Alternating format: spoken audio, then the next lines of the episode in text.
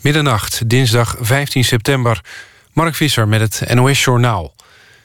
Europa is nog altijd verdeeld over de herverdeling van vluchtelingen over de lidstaten. Dat zei staatssecretaris Dijkhoff na het beraad in Brussel.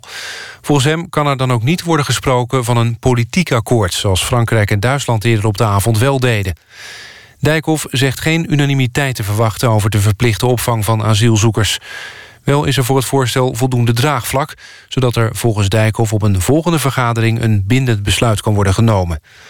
Voor de verdeling van 40.000 mensen werden concrete afspraken gemaakt... maar er moeten nog eens 120.000 asielzoekers een plek krijgen. En daar is geen unanieme steun voor. Nederland blijft bereid ruim 7.000 mensen op te nemen... als alle andere landen ook meedoen. Grote stroomstoring heeft Zuid-Limburg ruim een uur in het donker gezet. In de gemeenten Maastricht, Valkenburg en IJsden-Margraten... hadden tussen 10 en 11 uur vanavond meer dan 30.000 huishoudens geen stroom. Het kwam door een storing in een transformatorstation. Er had een steenmarter een kabel doorgeknaagd. Hierdoor kwamen veel Limburgse huishoudens zonder stroom te zitten. Rusland heeft op een vliegveld in Syrië tanks gestationeerd... zeggen hoge Amerikaanse militairen. Het vliegveld ligt aan de Middellandse Zee... in de buurt van de stad Latakia. Volgens het Pentagon lijkt het erop dat de Russen daar een basis willen vestigen. Ook zouden er zo'n 200 Russische militairen zijn ondergebracht... in tijdelijke barakken. Dan nog het weer, op de meeste plaatsen droog. Vannacht aan zee een harde wind en ook morgen overdag... is hij aan de kust nog stormachtig. Zware windstoten daar ook. En ook weer buien, de meeste in het noordwesten. Temperatuur ligt rond de 16 graden. Dit was het NOS Journaal. NPO Radio 1. VPRO. Nooit meer slapen.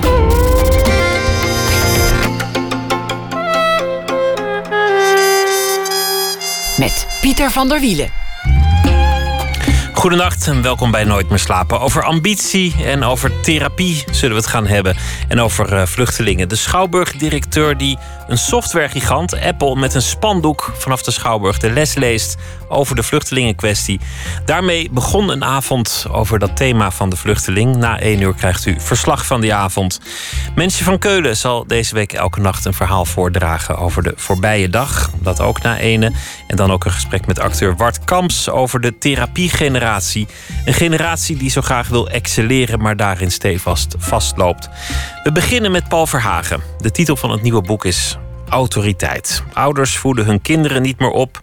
Leraren hebben geen gezag meer. En politici die hebben wel macht, maar geen autoriteit. Verhagen ziet eh, gelukkig ook lichtpunten en oplossingen. Hij is eh, geboren in 1955. Hij is psychotherapeut en hoogleraar in Gent. Schreef eerder bestsellers, Liefde in tijden van eenzaamheid. Dat is in uh, acht talen vertaald. En Identiteit. En nog een aantal andere boeken Waaronder uh, het einde van de psychotherapie onder meer. Welkom Paul Verhagen. Goedenavond. Misschien om even uit te leggen hoe een psychotherapeut bij een mening over de samenleving komt. Teruggrijpen op uh, eerder werk. In het boek Identiteit uh, schrijf je. het ging ons nog nooit zo goed en we voelden ons nog nooit zo slecht. Waar blijkt het uit? Um, ja, het ging ons nog nooit zo goed. Dan gaat het eigenlijk over een aantal belangrijke zaken wel. Hè. We hebben nog nooit zo'n uh, degelijk onderwijs gehad. We hebben nog nooit zo'n goede uh, medische gezondheidszorg gehad.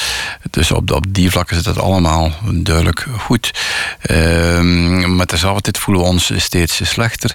En een van de redenen, denk ik, heeft te maken met het feit dat ons verteld wordt dat geluk eigenlijk in consumptie zit, in het verkrijgen van objecten, van, objecten, van goederen.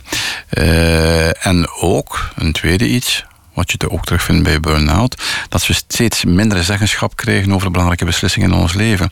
Dus een combinatie van die twee dingen maakt dat we ons minder goed voelen.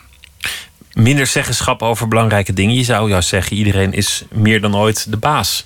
Niemand anders bepaalt dat is, voor Dat ons. is de illusie die men ons probeert wijs te maken. Uh, Zygmunt Bauman, de, toch wel een belangrijk denker van onze tijd, heeft dat heel mooi geformuleerd. Uh, nooit zijn we zo vrij geweest en nooit hebben we ons zo machteloos gevoeld. Dat vind ik eigenlijk een schitterende uitdrukking die eigenlijk heel goed weergeeft wat veel van ons voelen. Uh, wij hebben een, een vrijheid om te beslissen op een aantal vlakken die vandaag niet meer als belangrijk geacht worden. En dan heb ik het over religie en, en seksualiteit seksualiteit en man-vrouw verhouding, maar eigenlijk over de manier waarop we ons leven inrichten. Uh, daar hebben we veel minder over te zeggen. Daar wordt voor ons over beslist vandaag.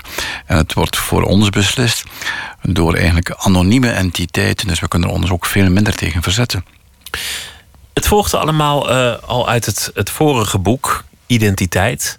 Dat, dat gaat eigenlijk over de vraag: wie ben je? Is dat, is dat zoals we tegenwoordig vaak denken, um, gegeven aan door het brein of door, door de genen? Hmm. Is dat aangeboren of ben je toch ook een product van de samenleving en de omgeving? Dat schetst ook een beetje het beeld van, van een psychotherapeut die, die mensen voor zich krijgt en denkt van ja, is, is mijn patiënt ziek of, of is het gewoon een probleem van, de, van zijn omgeving? Ja, uh, het is inderdaad een hele klassieke vraag. Hè. Nature, nurture, uh, opvoeding, erfelijkheid, milieu. Het, zijn die vragen die daarin heel centraal staan. En je, je ziet als je de geschiedenis van mijn vakgebied bekijkt, daarin een soort pendelbeweging.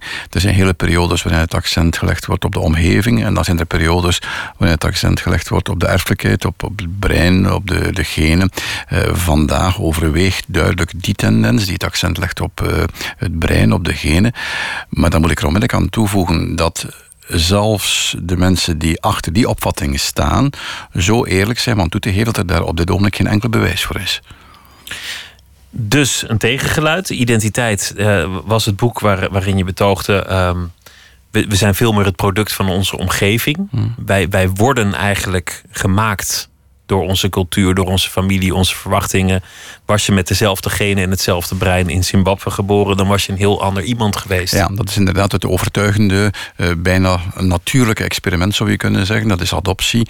Een, een, een kind uh, geboren in Zimbabwe, maar uh, op heel, heel vroege leeftijd hier in, in Hilversum geadopteerd door oer-Hollandse ouders. En hier opgevoed, dat, die krijgt een Hollandse identiteit, zonder twijfel. Die identiteit wordt bepaald door onze omgeving. Uh, nou ja, oké, het is bijna een waarheid als een koe, maar het, het, mm. is, het is goed om hem te omschrijven. Maar wat gaat daarin mis? Waarom zijn we onvrij, zoals je net zei? Um tot op, tot op zekere hoogte zijn we altijd onvrij. Ik denk als we identiteit. Uh, we, mo we, moeten even nakijken wat ik begrijp onder identiteit. Want je kan dat natuurlijk op verschillende manieren invullen. Uh, onder identiteit begrijp ik eigenlijk vooral vier cruciale verhoudingen. Uh, ik ben een man omdat ik geleerd heb mij op een bepaalde manier te verhouden tegenover het andere geslacht. Uh, ik ben jong omdat ik mij heb leren verhouden tegenover ouderen of omgekeerd. Dus verhouding tegenover autoriteit ik heb geleerd van mij te verhouden tegenover die mensen die naast mij staan, mijn collega's. Dus die, die cruciale verhoudingen, die bepalen wie wij zijn. Dat is de inhoud. Maar de processen, daarbij zijn er eigenlijk twee. Uh, het proces waarbij we die zaken overnemen van de omgeving, dat is eigenlijk identificatie. En het woord spreekt voor zich. We spreken ook vandaag over spiegeling, over mirroring. Maar er is een ander proces dat even belangrijk is. En dat is separatie. En op grond van separatie nemen wij afstand van de spiegel die ons voorgehouden wordt. En gaan we andere keuzes gaan maken voor andere dingen. Wel, met dat proces loopt het vandaag een, een stukje fout. Omdat de spiegel die ons voorgehouden wordt zeer, zeer dwingend is. We moeten allemaal excelleren. We moeten allemaal succesvol zijn. We moeten het allemaal maken. En bovendien wordt ons verteld dat dat eigenlijk perfect mogelijk is. Dat het alleen maar afhangt van de juiste keuzes en de inspanning het mislukt, dan is het je eigen schuld. dan dan, dan heb je niet alleen gefaald, dan ben je een mislukkeling. Ja. En dan kan je best ook een, stoornis eh, naar voren schuiven. Dat is dan toch nog een soort uh, algemeen aanvaard excuus. Je noemt in het vorige boek ADHD. Iets, iets waar heel veel uh, kinderen aan lijden. Of, of dat wordt in ieder geval gediagnosticeerd bij heel veel kinderen. Een seizoensziekte.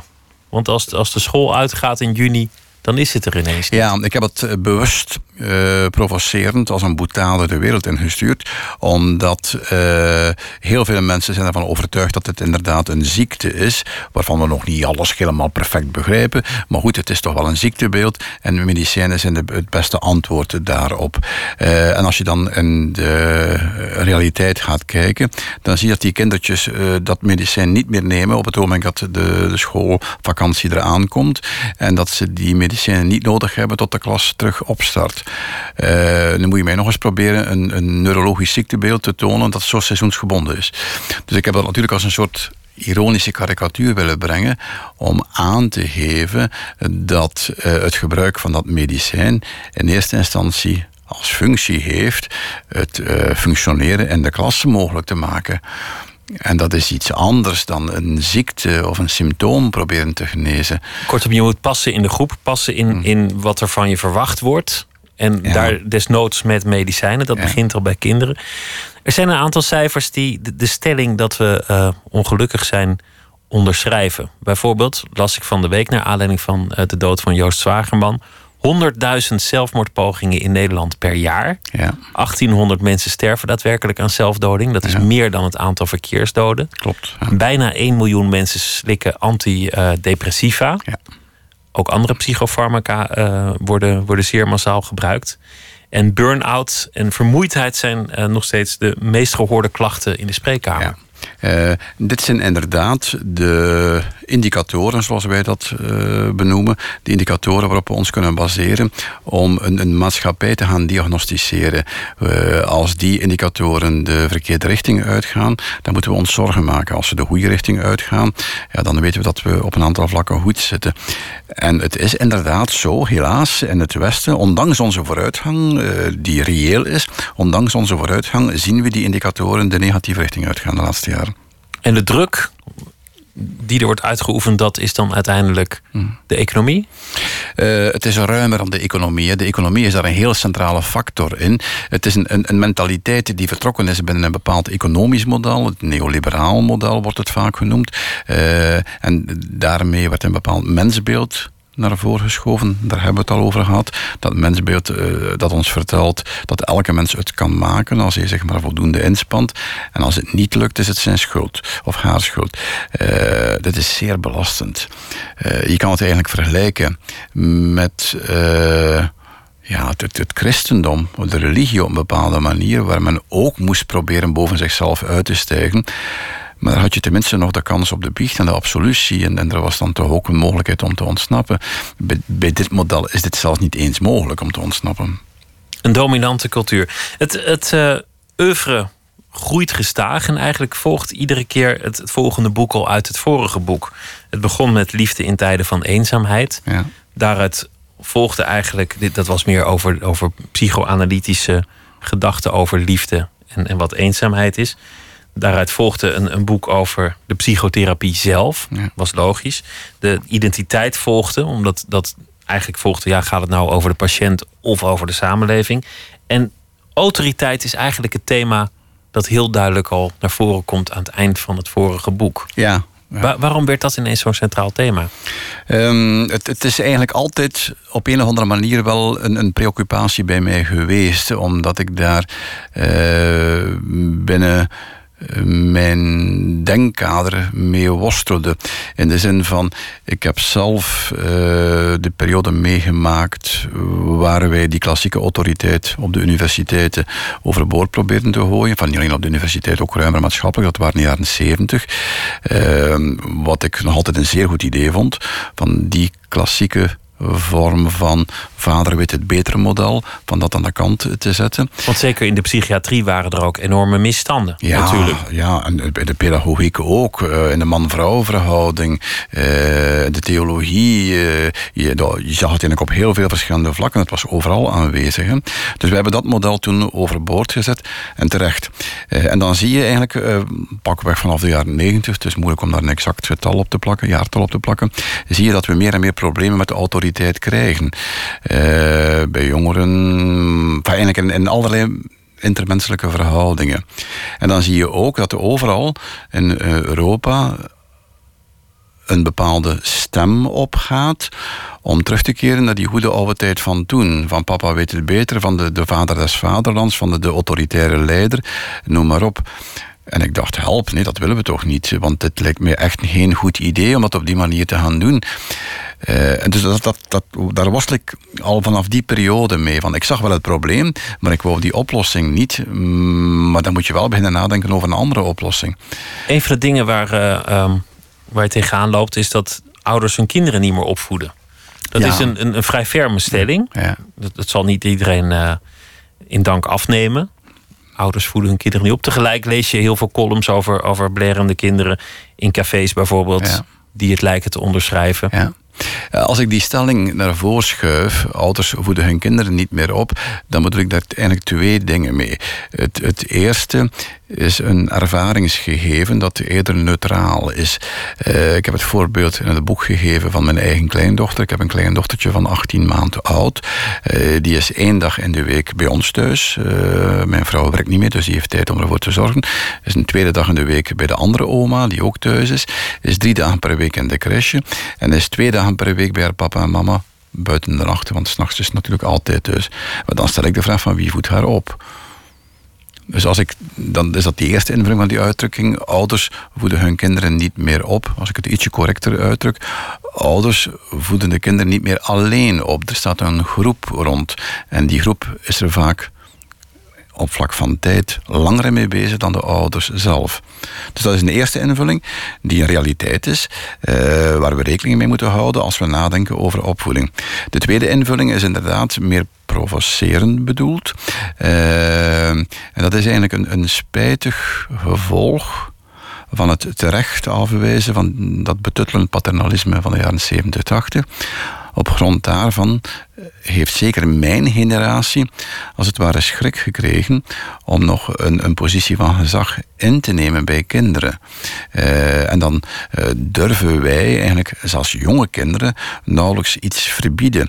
Eh, op grond daarvan denken wij dat het een goed idee is van met een drie, driejarige in overleg te gaan naar welke tv-programma's hij kan kijken. Dus dat soort zaken. En, en mama heeft liever niet dat je nu de tafel omgooit. Ja, ja, dat soort zaken. Terwijl dit is eigenlijk, het spijt me dat ik het zo uitdruk, dat is eigenlijk een beetje idioot. Dat soort discussies moet je met een driejarige niet eh, aangaan. Die is daar niet klaar voor. Je leest ook vaak eh, betogen van docenten die, die zeggen: Ja, ik, ik ben eigenlijk aangesteld om Frans te onderwijzen, maar ik ben gewoon opvoeding aan het inhalen. Eh, ik vrees dat dat eh, in een aantal gevallen zeker zo is. Dat klopt, ja. Maar nu die worsteling. Wat was het goed dat we de, de gezagsdragers eh, een toontje lager lieten zingen na de jaren 60 en 70? Wat was het fijn dat het wat, wat eh, gelijkwaardiger en meer egalitair werd? Ja. En, en nu de vraag om, het, om de autoriteit terug te halen in ons leven. Ja. Je hoort hem vaker. Maar we willen niet terug naar dat oude gezag. Nee. Eh, en dat was dus de, de uitdaging waar ik voor stond, eigenlijk al waar wij voor staan, eh, van hoe gaan we eh, die noodzakelijke autoriteit opnieuw installeren zonder te vervallen in die fouten van het verleden. Zonder de, eigenlijk die, die typische pendelbeweging te herhalen van, die we in de geschiedenis al een paar keer gezien hebben. Ik heb dat pas goed begrepen eh, en ook een, eh, kunnen denken over een oplossing toen ik het onderscheid tussen macht en autoriteit begreep. En dat was eigenlijk gebaseerd op de lectuur van Hannah Arendt, een korte tekst uit 1954. Dat opende mijn ogen en dat gaf mij de mogelijkheid om eh, over alternatieven na te denken.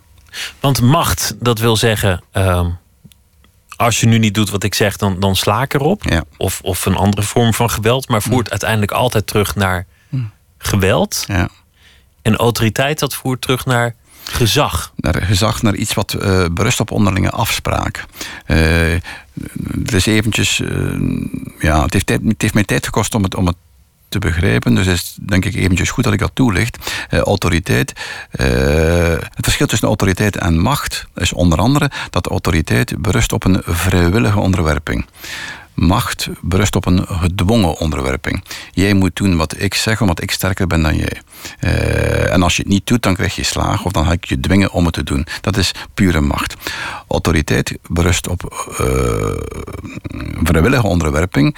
Ik ga mij onderwerpen aan de autoriteit van iemand, omdat ik samen met die andere man of die vrouw geloof in iets buiten ons en dat is van belang, iets buiten ons, op grond waarvan die andere figuur het gezag mag dragen. Hij is het niet, hij heeft het niet, hij mag het dragen. Kortom, er is een gemeenschappelijk doel, een, een gemeenschappelijk streven of Ja. een waarde. Waarom wij iemand gezag geven. Ja. Het meest eenvoudige voorbeeld, en dat is meteen ook het klassieke voorbeeld, is religie. Uh, dan is, gaat het letterlijk over een religieus geloof. Dat hoeft niet, maar dan in dat geval gaat het over een religieus geloof. Wij geloven alle twee in uh, de God van de christenen, in de uh, christelijke God. En op grond daarvan erken ik het gezag van de dominee. Omdat we, en ik hoef daar geen fysieke dreigementen voor te krijgen. Nee, dit is een vrijwillige vorm van onderwerping op grond van dat gemeenschappelijke geloof of een leerling die heel graag iets wil leren. Dan denk ik niet aan de middelbare school zozeer, maar, maar bijvoorbeeld een, een conservatorium waar iemand heel graag piano wil leren spelen. Dan heeft de docent gezag omdat hij de weg is om dat te bereiken. klopt. Ja. Je ziet eigenlijk vaker op dit moment in de samenleving de, de gang naar de macht. De, de politieagent uh, moet strenger optreden als hij wordt uitgescholden. Moet ook meer agressie uitstralen in het nieuwe uniform. dat was een actief streven. Niet meer de beste vriend zijn was bijvoorbeeld het streven. Uh, ook in het onderwijs wordt, wordt gezegd: ja, harder optreden, mensen eerder van school sturen of, of andere sancties. Eigenlijk overal zie je mensen juist op de macht teruggrijpen. Ja, en dat is een zeer gevaarlijke evolutie. Dat kan ik niet genoeg benadrukken. Dat is een zeer gevaarlijke evolutie. En die hebben we aan onszelf te danken. Dat kunnen we moeilijk aan die machtscheppers gaan verwijten. Want het, het, zijn wij die het op die manier installeren. Kijk, als die politieagenten uh, meer macht moeten uitstralen. om hun functie te kunnen innemen. dan heeft dat alles te maken met het feit dat wij hen de autoriteit niet gunnen. Als wij, hen die, als wij onderling afspreken dat die politieagenten door ons betaald worden, wat waar is, en voor ons onze gemeenschap gaan regelen, dan is dat niet onze vijand. Dan staan ze in dienst van ons. En dan gaan wij hun autoriteit ook herkennen en erkennen. Hetzelfde met onderwijzers en leerkrachten. Als wij ervan uitgaan dat eh, leerkrachten en onderwijzers in onze opdracht onze kinderen opvoeden, onze kinderen onderwijs geven, eh, dan moeten we vooral hun autoriteit niet in vraag gaan stellen. Want als we dat doen, nemen we hun mogelijkheid om hun functie uit te oefenen weg. Dus de ouders die s'morgens op de stoep staan omdat de, de leerkracht boos geweest is de dag voordien, die nemen de autoriteit van de leerkracht af. Maar wat zou het gemeenschappelijk doel kunnen zijn? Ik bedoel, je hebt zitten bellen achter het stuur. Je weet best dat dat niet mag. Maar de mm. politieagent gaat jou een boete geven. Nou, dan, dan, ga je niet zeggen: Ik geef jou heel veel gezag, want ik ben mm. er zo blij mee. Nee, natuurlijk niet. Nee. nee. Uh, de grond van dat uh, gezag berust op gemeenschappelijke afspraken. En binnen een democratie zijn dat de rechtsregels. En, en in dit geval bijvoorbeeld de verkeersregels. En als wij die willen wijzigen, dan moeten we dat doen via ons politiek stemgedrag. En ja, niemand zal het leuk vinden van die bekeuring te krijgen en iedereen zal wel grommen.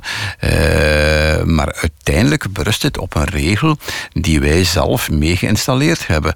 Als we die niet zelf mee geïnstalleerd hebben, dan hebben we te maken met macht. Maar dat betekent dus uiteindelijk, als je het, als je het naar het niveau van de samenleving uh, tilt, dat het gebrek aan autoriteit en alle gevolgen van dien, die, die, die ook nog veel verder gaan, wordt ook geschetst in het boek. Hmm. Ook weer naar de psyche, mensen die, die, die, die vastlopen omdat autoriteit ook richting geeft dat het uiteindelijk te maken heeft met een, met een samenleving zonder idealen?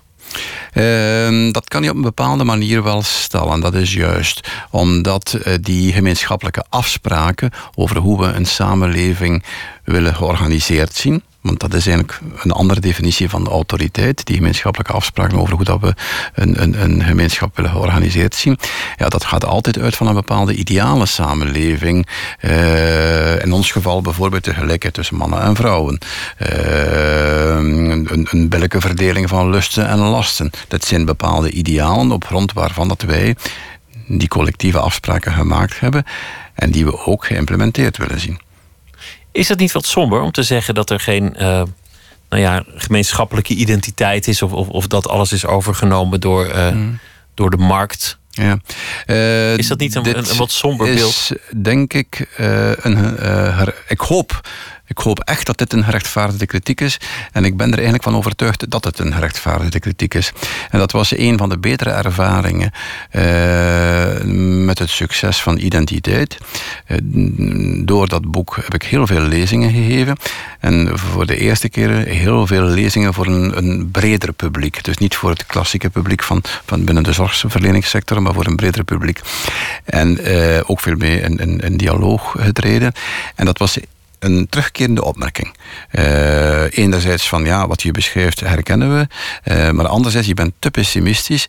Er is al iets anders bezig. Uh, en dan gaf men voorbeelden van lokale initiatieven waar mensen samenkwamen om iets te organiseren. soms heel kleinschalig, soms niet zo kleinschalig. En eigenlijk ja, op een bepaalde manier als een verzet tegen dat andere model. Dat was voor mij een eye-opener. Uiteindelijk gaat het ook in dit boek weer veel over uh, de markt die dominant is geworden. Over uh, het neoliberalisme is het woord wat daarin voorkomt. Alle waarden zijn ondergeschikt gemaakt aan de markt. Het onderwijs dient uiteindelijk om mensen klaar te maken voor het verdienen van geld. De cultuur is alleen maar geschikt omdat het misschien goed zou zijn indirect voor de markt, maar anders heeft het geen functie. Dat is eigenlijk de onderliggende ergernis die steeds meer in, in het werk naar voren komt. Ja, uh, dat was ook in het vorige werk al bezig. Nu. Uh, we moeten daar ook genuanceerd over nadenken. Hè. Uh, dit zijn de kenmerken van het neoliberalisme in de eindfase. Uh, elke ideologie kent eigenlijk eenzelfde beweging. Elke ideologie die, die onbepaald succes krijgt, krijgt dat omdat zij een correctie uitoefent op de vorige dominante ideologie die een karikatuur van zichzelf geworden is.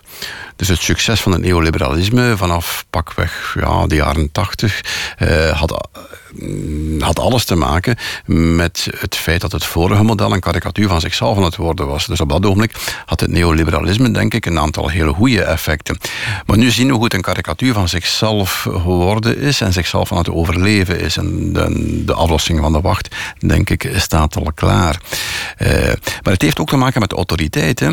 Want het neoliberalisme, zoals elke ideologie, begon met een aantal mooie idealen en met een aantal mooie ideeën. En het, het, het mooie idee van het neoliberalisme neoliberale was van vertrouwen op het uh, individu. Uh, en eigenlijk alleen maar op het individu. En vertrouwen op de ratio van het individu. Want als een individu uh, keuzes kan maken, zal het eigenlijk kiezen volgens het, het, het, ideaal van het vrije marktmodel. En dat is dan het idee van de burger als klant, het individu als klant. En als iedereen op die manier functioneert, ja, dan krijgen we eigenlijk een soort dan hebben we zelfs de autoriteit niet meer nodig, want dan functioneert alles op grond van de beste competenties. De onzichtbare hand, zoals dat toen heette. Klopt, ja, dat was eigenlijk uh, het, het, het idee.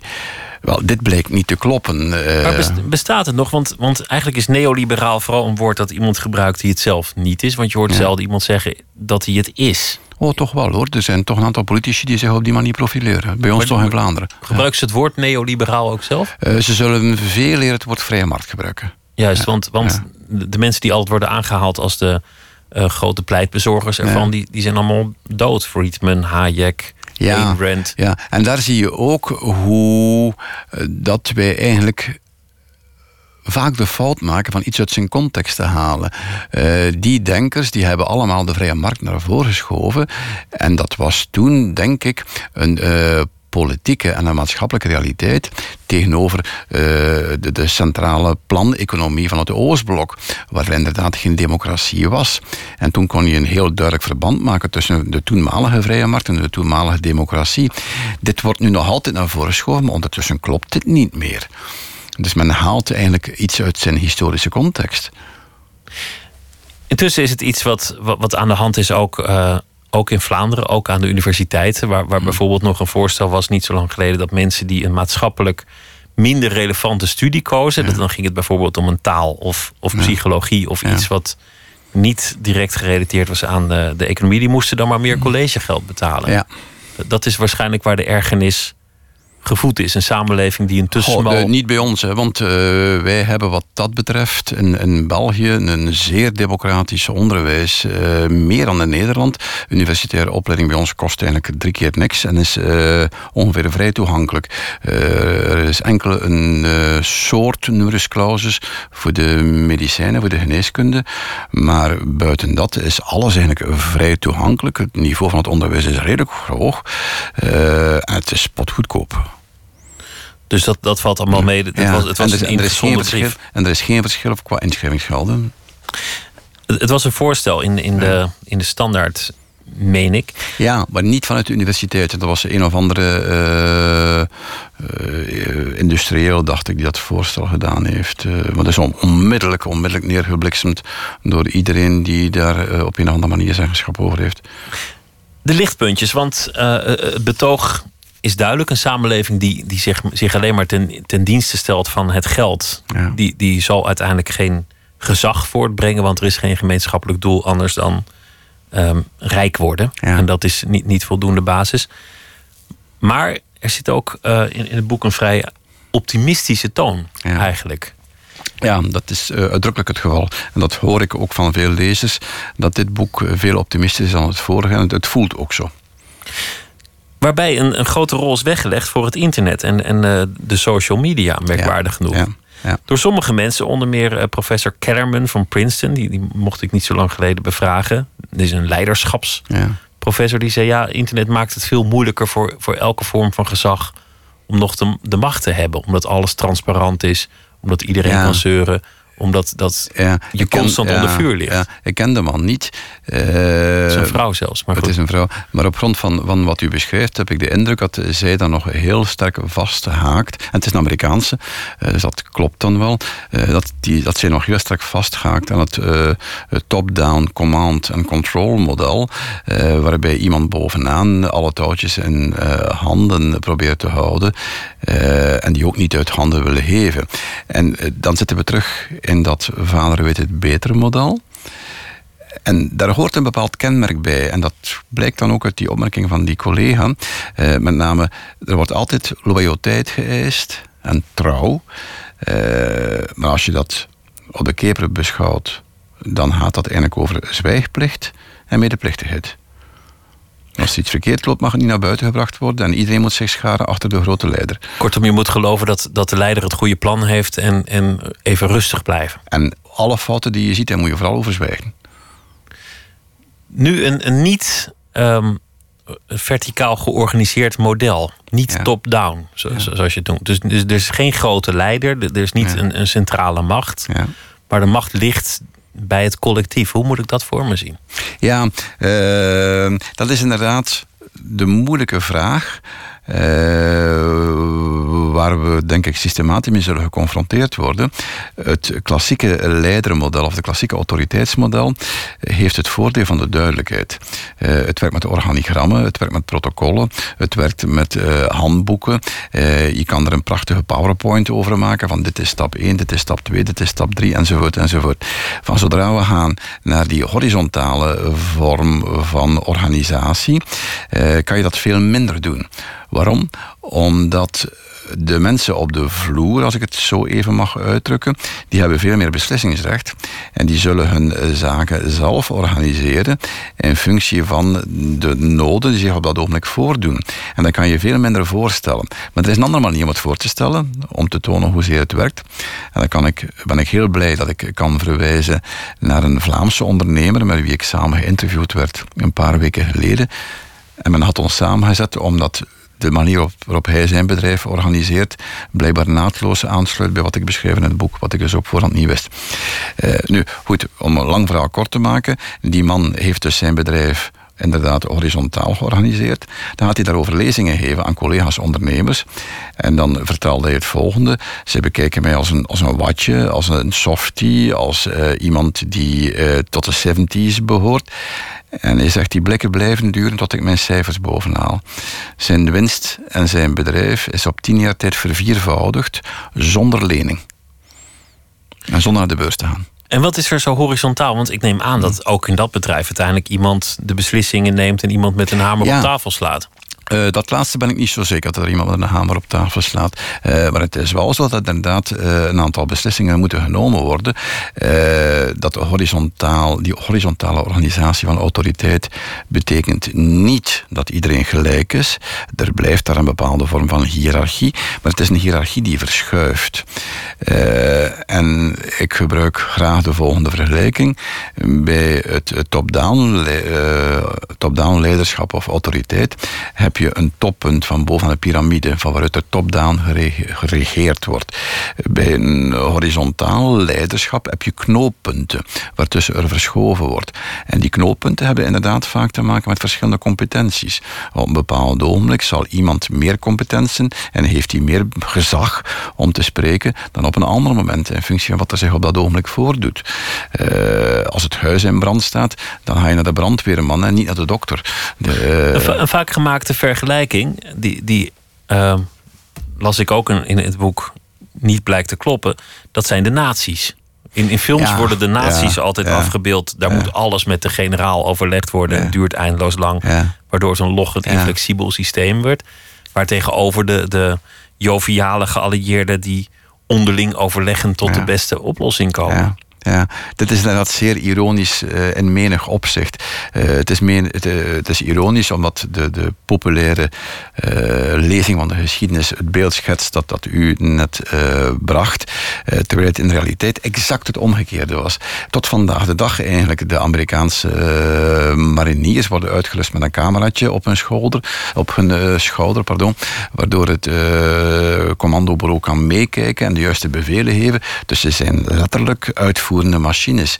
Uh, het Duitse leger had eigenlijk al ten tijde van de veldslagen tegen Napoleon begrepen dat uh, je nooit een plan kunt uitdenken dat te valde uitvoerbaar is. Omdat er te veel factoren zijn die je niet kunt voorspellen. En dus ontwikkelden zij een nieuw systeem uh, waarbij, uh, ja, wij zouden het vandaag flexibele units noemen, die uit verschillende groepen samengesteld zijn, waarbij die een opdracht kregen. Dit moet jij doen. En hoe je het doet, wel, je hebt de ervaring, je hebt de kennis, beslist maar zelf te plaatsen. Uh, en er is wel een commandostructuur, maar die is zeer verschuivend in functie wat er zich te velde voordoet. Uh, wat blijkt, de, die groepen, dat waren de kampfgroepen, uh, die groepen zijn tot op het eindpunt van de Tweede Wereldoorlog meer succesvol geweest dan de geallieerden. En ze hebben de strijd verloren bij gebrek aan manschappen en bij gebrek aan materiaal. Kortom, ook in bedrijven zou je dat van toepassing kunnen achter de creativiteit uh, van onder laten komen. En eigenlijk autoriteit ontlenen aan een gemeenschappelijke missie. Dus niet macht, maar zozeer een gemeenschappelijk doel. Ja. Dat is, dat is uh, in essentie het uh, betoog. Combinatie tussen een gemeenschappelijk doel en vertrouwen dat die mensen het kunnen uitvoeren. Laten we straks verder praten. En intussen um, Richard Haldy een kans geven om een liedje te zingen met de titel Serenade of Blue.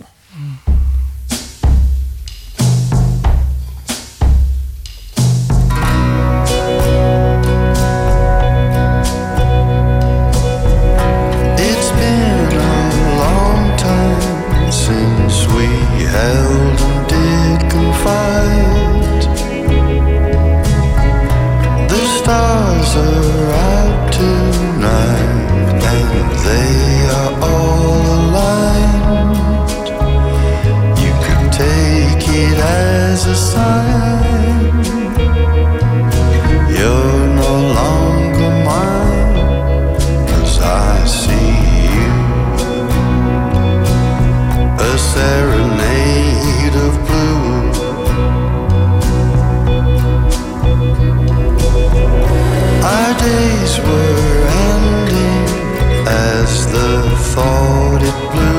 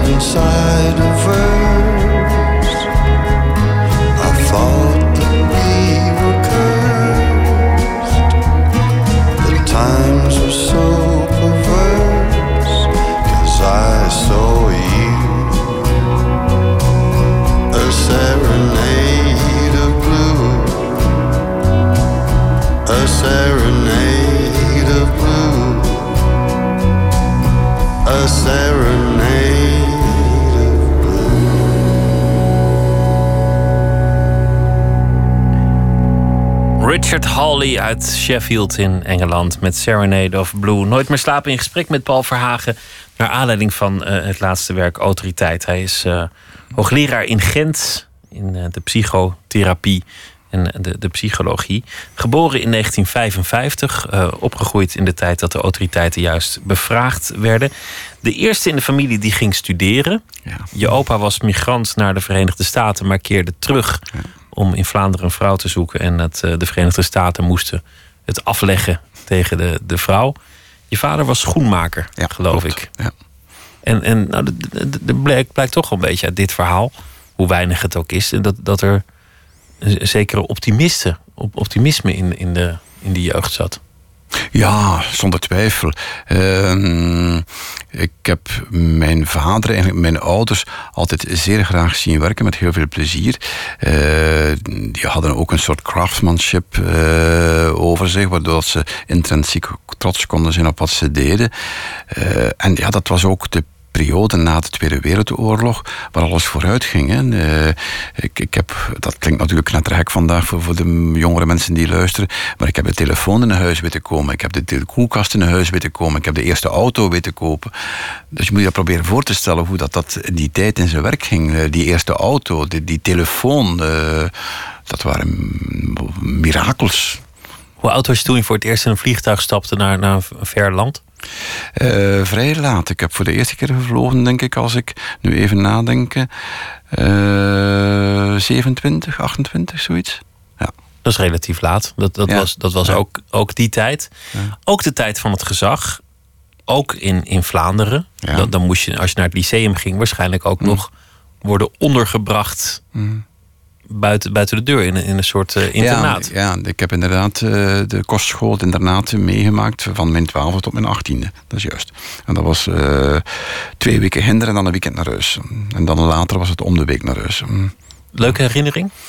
Um, die, zeker het eerste jaar was, was zeer hard hoor. Dat was echt niet aangenaam om uit uh, dat vertrouwde boerendorpje, bij wijze van spreken, weggeplukt te worden. En dan in wat voor mij een grootstad was, maar dat was natuurlijk helemaal niet. Uh, dat was even wennen. Maar ja, voor mij is er daar een, een intellectuele wereld open gegaan. En nadien voor mijn drie zussen ook. Uh, ja, dat was eigenlijk voor ons een, een opening op de wereld. Hè bedoel, ik, maar om, ook, om ook een voorbeeld te geven, we hadden thuis geen boeken. Hè? Thuis waren er helemaal geen boeken? Thuis geen boeken, nee. De Bijbel misschien? Nee, nee, nee ook Zelfs nee. niet? En, nee, en, mijn en, ouders waren wat dat betreft redelijk... Uh, en het telefoonboek van Turnhout? Of, uh, het telefoonboek wel. Ja, oké. Okay. Nou ja, dat is toch iets. Maar het was ook, ik bedoel, het, het gezag. Ja. Dat, dat was iets waar je dan, dan op een gegeven moment blij was dat je er vanaf was. Ja, nu, ik heb het geluk gehad dat uh, mijn ouders, uh, ondanks het feit dat, of misschien juist omdat uh, ze niet hoog opgeleid waren, daar eigenlijk op een, een heel gezonde manier mee omhingen. die waren zeker niet autoritair in de slechte betekenis van het woord, verre van. Ehm, maar in dat tijdskader was autoriteit op zich vanzelfsprekend. Hè. Dus je zou niet zomaar uh, uit de band springen. Dat, dat deed je gewoonweg niet. Dat kwam geleidelijk. Mijn generatie heeft die autoriteit geleidelijk losgelaten en geleidelijk haar eigen autonomie gezocht. Wanneer begon de fascinatie voor, voor de psyche? En, en vooral eigenlijk ook de, de, de Ehm, eigenlijk, al vrij, eigenlijk al vrij vroeg. Um, er waren bij ons geen boeken in huis, maar in Vlaanderen hebben wij gelukkig een zeer, zeer rijke traditie van bibliotheken. Uh, zoals ik dat straks zei, ik heb de televisie in huis weten komen, maar dat was eigenlijk al, uh, ja, hoe oud was ik toen? Uh, voorbij de tien of zo, elf, weet ik veel.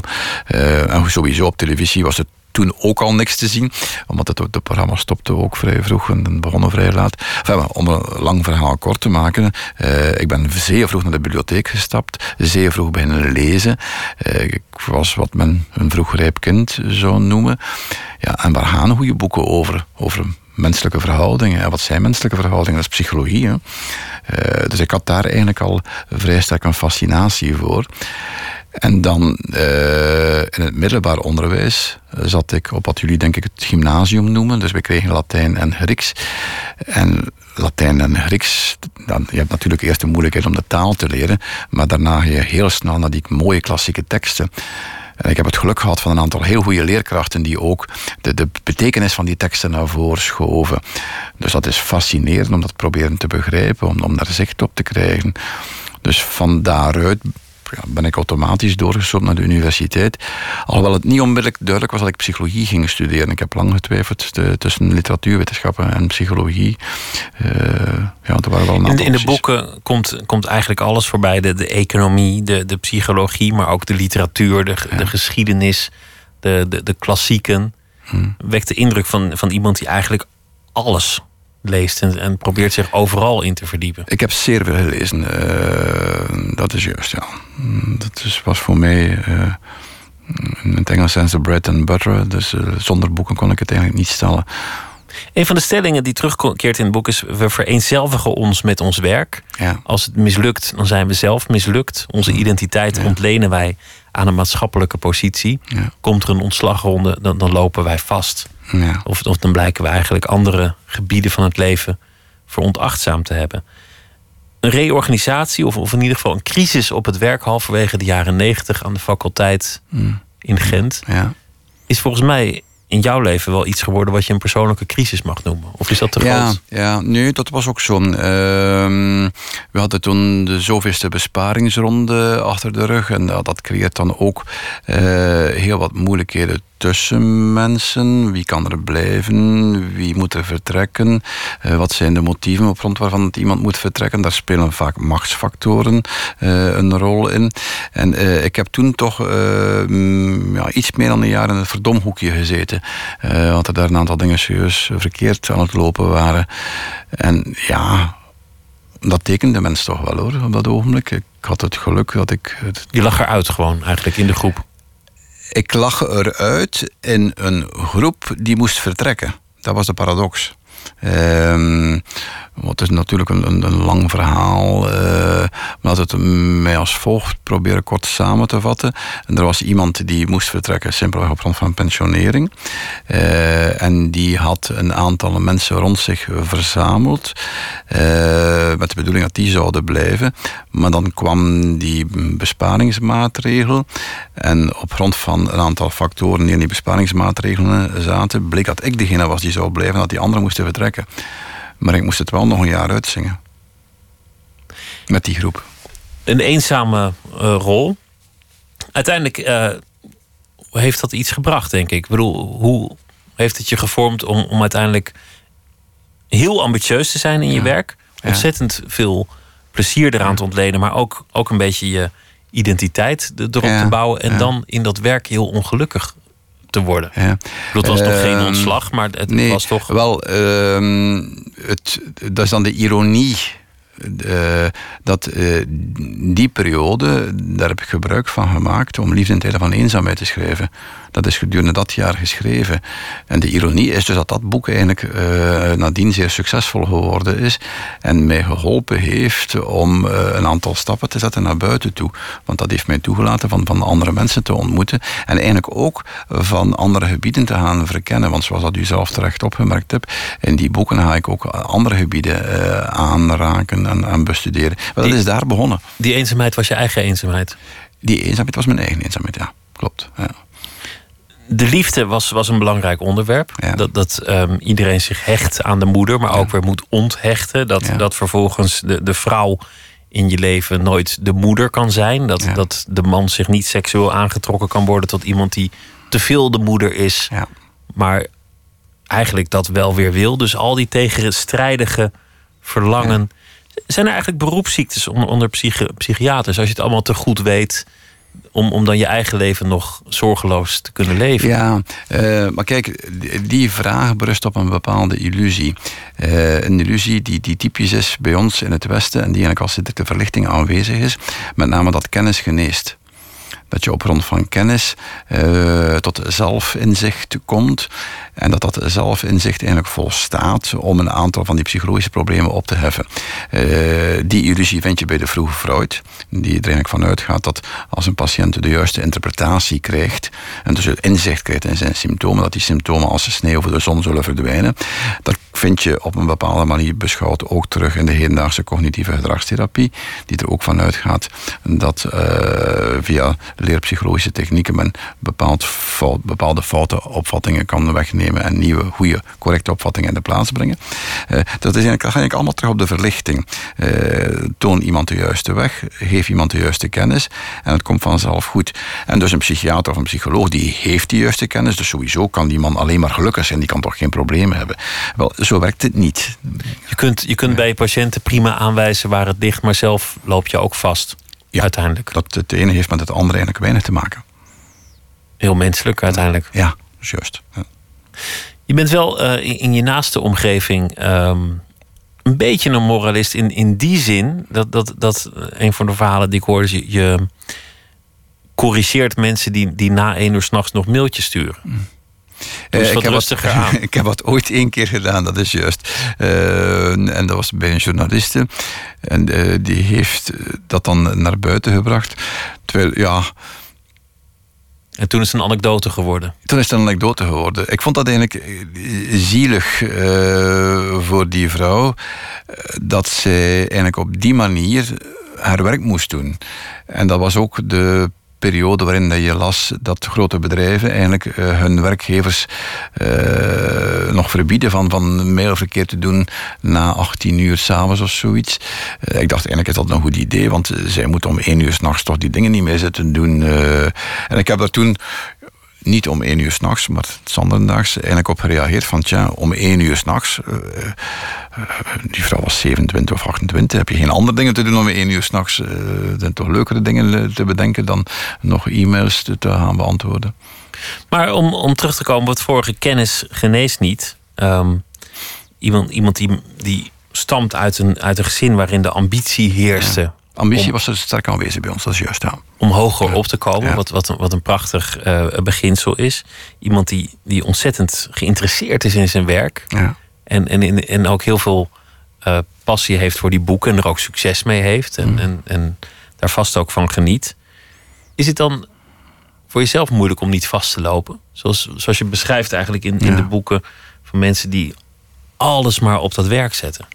Ja, uh, dat is voor mij niet anders dan, dan uh, voor iemand anders. Uh, als ik vastloop, dan leid ik daar evenzeer onder als, als iemand anders. Dan heb ik ook hulp nodig van iemand anders. Dan ga ik het niet op mijn eentje oplossen hoor.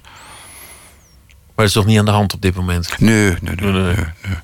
Je beschrijft ook in, het, in het boek um, zij het terloops, de verhouding met, met de jongere generatie, je studenten ja. en natuurlijk met je kinderen. Ja. Uh, je studenten die moeten je niet bij de voornaam noemen. Nee. Want dat, dat tast het gezag aan. Ja, ik vind dat uh, autoriteit dat staat ook al mooi beschreven bij Hannah Arendt, berust op verschil uh, en op afstand. Als je dus probeert een vriendje te zijn met, ja, dan mag je je autoriteit meteen ook uh, in de kast opbergen. Uh, sommige collega's kiezen daarvoor en die gaan op een andere manier om met hun studenten. Ik vind dat geen goed idee. ik kies ervoor om daar op dat vlak dat verschil te handhaven en die autoriteit te blijven behouden. Maar nooit de macht inzetten. Nee, nee want uh, als er macht gebruikt moet worden, dan uh, doe ik daarvoor eigenlijk beroep op de andere studenten. En dan gebruik ik eigenlijk die sociale controle. Uh, als een aantal studenten een college onmogelijk maken, uh, dan vraag ik hen van dat niet te doen, want er zijn andere studenten die wel willen luisteren. Uh, en dan krijg ik bijna onmiddellijke reactie van die andere groep die zegt van inderdaad, wij willen hier luisteren en als jullie het nodig vinden om kabaal te maken, gaan buiten, doen het daar. De kinderen en de kleinkinderen, ook, ook daar zie ik dat optimisme weer terug. Ja. Namelijk, mm. die zijn veel handiger met social media, met, ja. met, met nieuwe technieken. Mm. Die, die hebben misschien ook minder worstelingen. Hoewel je soms somber kunt zijn over de samenleving, ben je eigenlijk ja. heel optimistisch over de nieuwe generatie. Uh, ja, omdat ik zie hoe zij op een creatieve manier omgaan met het, uh, het netwerk, met het digitale netwerk. En hoe zij eigenlijk. Uh, ja, in zichzelf en in de anderen geloven op een mooie manier eigenlijk wel hoor. Dat, dat is toch wel volop bezig. Die creativiteit is daar. De ondernemendheid en, ja, het gemak waarmee ja, ze dingen oppakken. Ja, en ook de manier waarop ze zich niet zomaar aan een absoluut gezag gaan onderwerpen. De, er moet een, uh, een, een, een, een, zichtbare grond voor zijn. Uh, niet zoals vroeger dat het vanzelfsprekend was. Je zei eerder over ideologieën. Het, het, zet zich altijd af tegen het vorige en ja. schiet daar zelf uiteindelijk in door. Ja. Dat is misschien met de anti-autoritaire beweging in zekere zin ook gebeurd. Ja. ja. En misschien dat het, het nieuwe ja, niet meer het oude gezag heeft, maar ook weer niet dat, dat radicaal Hm. anti-autoritaire van, van de jaren zeventig. Ja.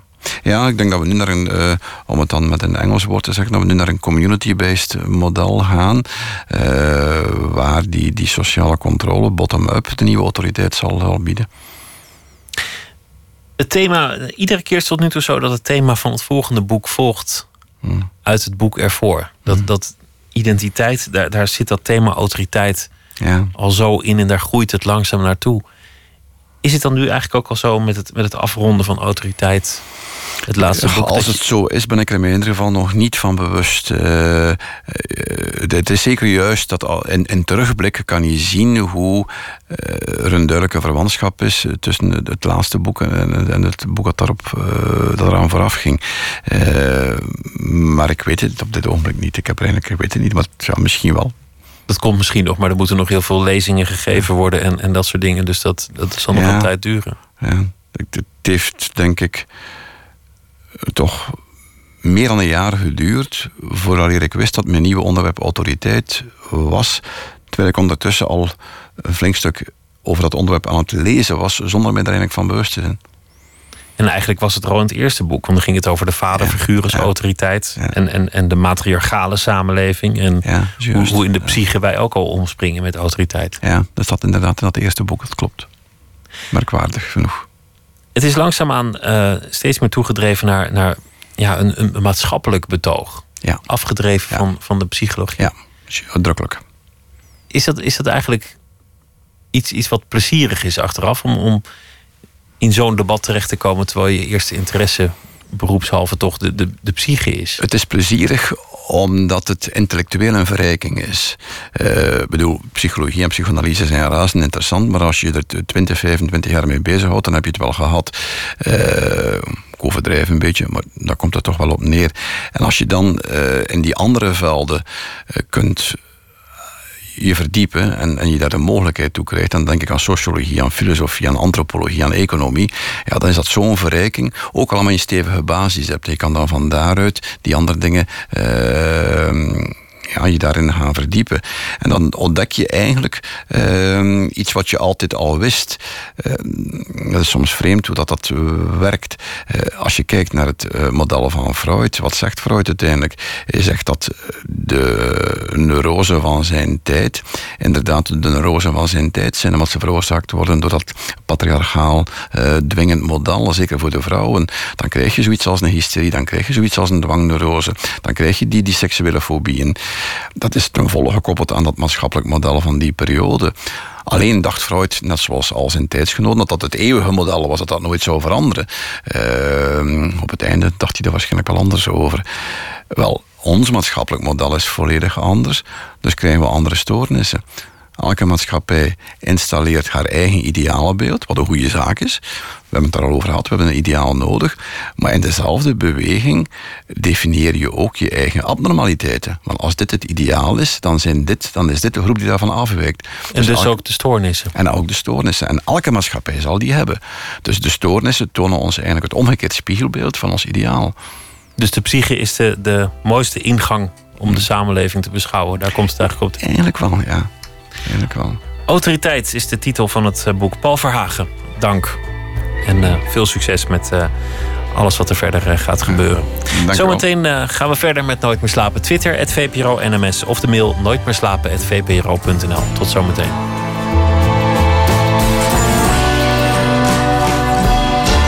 Op Radio 1, het nieuws van alle kanten.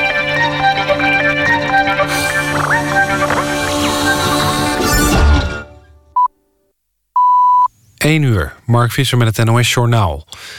Europa is nog altijd verdeeld over de herverdeling van vluchtelingen over de lidstaten. Dat zei staatssecretaris Dijkhoff na het beraad in Brussel. Volgens hem kan er dan ook niet worden gesproken van een politiek akkoord... zoals Frankrijk en Duitsland eerder op de avond wel deden. Dijkhoff zegt geen unanimiteit te verwachten... over de verplichte opvang van asielzoekers. Wel is er voor het voorstel voldoende draagvlak... zodat er volgens Dijkhoff op een volgende vergadering... een bindend besluit kan worden genomen. Voor de verdeling van 40.000 mensen werden concrete afspraken gemaakt... maar er moeten nog eens 120.000 asielzoekers een plek krijgen. Daar is geen unanieme steun voor. Nederland blijft bereid ruim 7.000 mensen op te nemen... als alle andere landen ook meedoen. Grote stroomstoring heeft Zuid-Limburg ruim een uur in het donker gezet. In de gemeente Maastricht, Valkenburg en IJsden-Margraten... laten meer dan 30.000 huishoudens zonder stroom. Storing ontstond even voor 10 uur in een transformatorstation in Limmel. Dan had een steenmarter een kabel doorgeknaagd. Hierdoor kwamen veel Zuid-Limburgse huishoudens dik een uur zonder stroom te zitten. De Amerikaanse militair die gewond raakte bij het verijdelen van een aanslag in het Thalys krijgt een Purple Heart. Dat is een belangrijke Amerikaanse onderscheiding voor militairen die gewond raken. Beroepsmilitair Spencer Stone was op vakantie toen hij samen met drie anderen de 26-jarige Marokkaan in de Thalys overmeesterde. Dat hij de onderscheiding krijgt is bijzonder. Meestal krijgen militairen onderscheiding alleen als ze gewond raken tijdens hun werk. Maar omdat Stone gewond raakte door een terrorist, komt hij toch in aanmerking. En Stone had ook al de hoogste Franse onderscheiding gekregen. Het weer, langs de kust valt een enkele bui. In het binnenland zijn er opklaringen. Overdag trekt de wind aan en zijn er langs de kust zware windstoten mogelijk. Vallen buien en hier en daar kan ook een klap onweer voorkomen. In de loop van de middag en avond neemt de wind geleidelijk af. Dit was het NOS Journaal. NPO Radio 1. VPRO. Nooit meer slapen.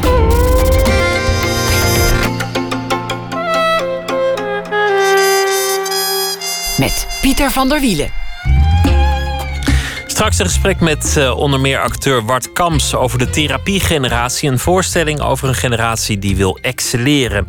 En het gaat niet altijd even makkelijk. Een vooruitblik ook op de Nacht van de Poëzie, de 33ste, komende zaterdag in Utrecht. Maar we beginnen met Mensje van Keulen. Zij zal deze week elke nacht een verhaal voordragen, geschreven over de afgelopen dag. Debuteerde al in 1972 met de roman Blekers Zomer. Schreef een heel oeuvre bij elkaar. Ik ga niet alle titels noemen. Voor volwassenen en voor kinderen. Recente boeken zijn De Laatste Gasten, Een Goed Verhaal en Liefde heeft geen hersens. Goeienacht, uh, Mensje van Keulen. Ja, goeienacht. Ben je een, uh, een, een, nachtmens eigenlijk of, of is het uh, buffelen? nee hoor, van kind af aan al altijd heel laat naar bed. En je moest wel vroeg naar bed, maar dan dacht ik altijd nog heel lang wakker. En het, zo is het ook gebleven. Ik werk graag s'nachts, ja. Dus het is geen, uh, geen zware tijd uh, om, om later op te blijven? Nee hoor, maar ik dacht wel vanavond... god, ik kan niet nog een glas wijn nemen. Een beetje, hè, een beetje ja, toch een beetje erbij blijven. En niet aan ander werk gaan denken. Maar uh, nou ja, ik, heb, uh, ik ben een boek aan het afronden of het is zo goed als rond. Dus daarom dacht ik ook, nou, ik kan deze week wel even iets anders doen. Dank dat je het uh, wil doen. Een verhaal bij de dag. Wat, wat is het thema geworden vandaag? Nou, wat heeft ik dacht, hoe ga ik dat aanpakken? Want ik werk normaal nooit met van die uh, korte stukken en snelle deadlines. Het is toch altijd werk dat, uh, hè, dat een paar jaar kost voordat iets af is. Dus hoe ga ik dat doen? Dus ik, ik dacht, ja, god, de actualiteit. Um, er gebeurt van alles en als je het allemaal op een zeef legt, dan, ja, dan komt er toch iets uit de voorschijn. En ineens zag ik gewoon twee mensen voor me, een echtpaar. Ik dacht, ik ga schrijven over Bob en Tanja. En ik hoop dat ik die hele week zo in leven kan houden. Ga je gang. Ja, oké. dus Bob en Tanja uh, vanavond. Ook deze ochtend laten Bob en Tanja samen hun hondje uit. Zullen onderweg alleen niet stoppen voor een kop koffie. Het gaat ook niet om die koffie, het gaat om Mickey, hun tackle... en om zelf in beweging zijn en frisse lucht. Maar vandaag willen ze snel terug naar huis... omdat ze zich zorgen maken om hun poes Pop... Ze is al een paar keer vergeefs op de bak gaan zitten en zoekt haar etensbakje niet meer op. Zelfs achter de knabbels die ze met kijk een yummy yummy pop over de grond laten rollen, gaat het dier niet aan. We zijn allemaal wel eens niet lekker, zegt Bob. Pop is een taaie, we kijken het nog even aan. Jij wil altijd alles maar aankijken, zegt Tanja. Jou, zegt hij, jou kijk ik ook altijd aan. Gek hè, zegt ze, maar ik kan vandaag niet lachen. En dat is niet alleen door Pop. Ik heb de halve nacht, als het niet meer is, liggen piekeren over al dat nieuws dat ons overspoelt. Al die mensen, vooral die mannen die maar aankomen. Straks staan hier tenten in het park en zitten ze overal op de bankjes en lopen over straat zonder dat we ze kunnen verstaan. Ik begrijp nu in de tram al vaak niet wat er allemaal gezegd wordt. Nu even niet dan. Geef me eens een zakje. Die mensen moeten ook eten en poepen. Waar moet dat? Wie betaalt dat? Ziet het er goed uit van Mickey? Ja hoor, stevig. Ik vind het erg om te zeggen, Bob. Want ik vind het echt allemaal verschrikkelijk voor die arme mensen. Maar ik had ook een beeld ineens van Kiels die onze voordeur insloegen, Bob. Hou op dan, denk aan wat anders. Zie die reiger bij de fontein? Ik zeg, zag dat je dat bij dat programma Vroege Vogels kan stemmen op een nationale vogel. Vrijwel alle landen hebben er wel één als symbool, maar wij, met notabene zoveel vogels, niet.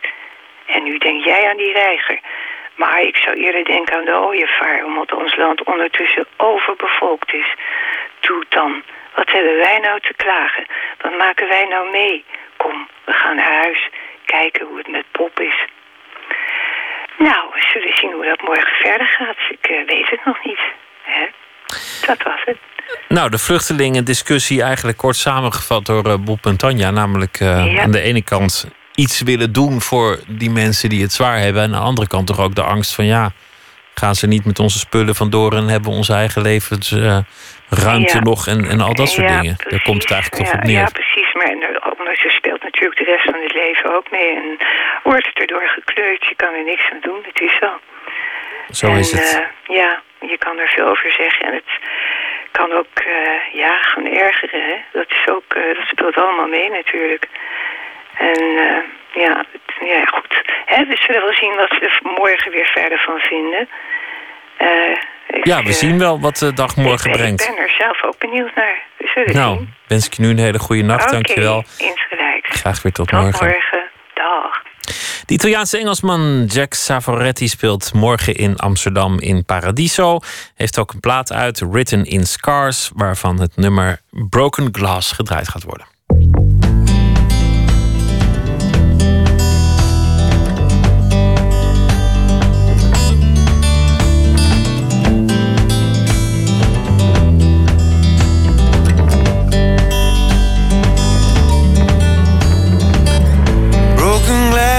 The floor by my bed. Lying next to books I've never even read. Wide awake all the mess that I've made. Everything I've taken You're the one who paid. Forget what I have done. Sometimes I've lost you Sometimes I've won. Just let me do Everything I can Cause everything I do is for you.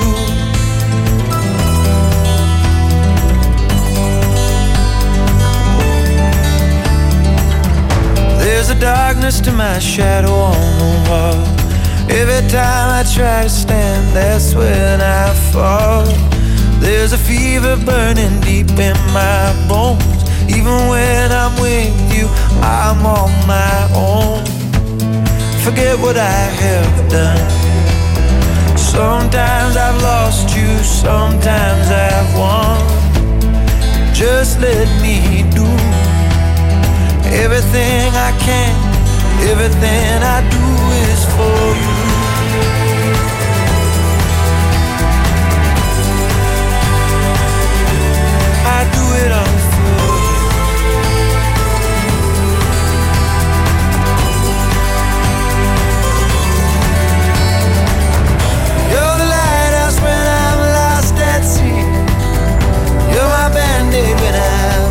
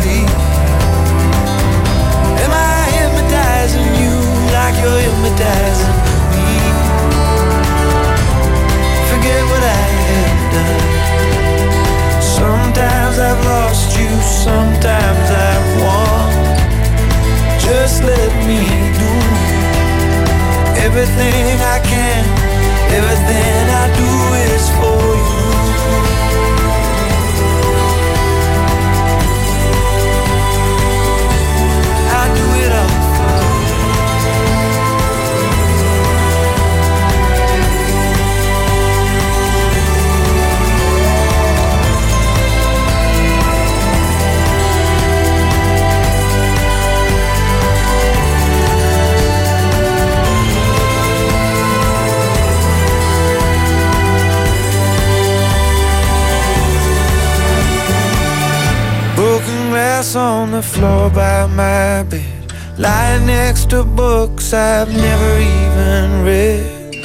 Wide awake, all the mess that I've made, everything I've taken, you're the one who paid.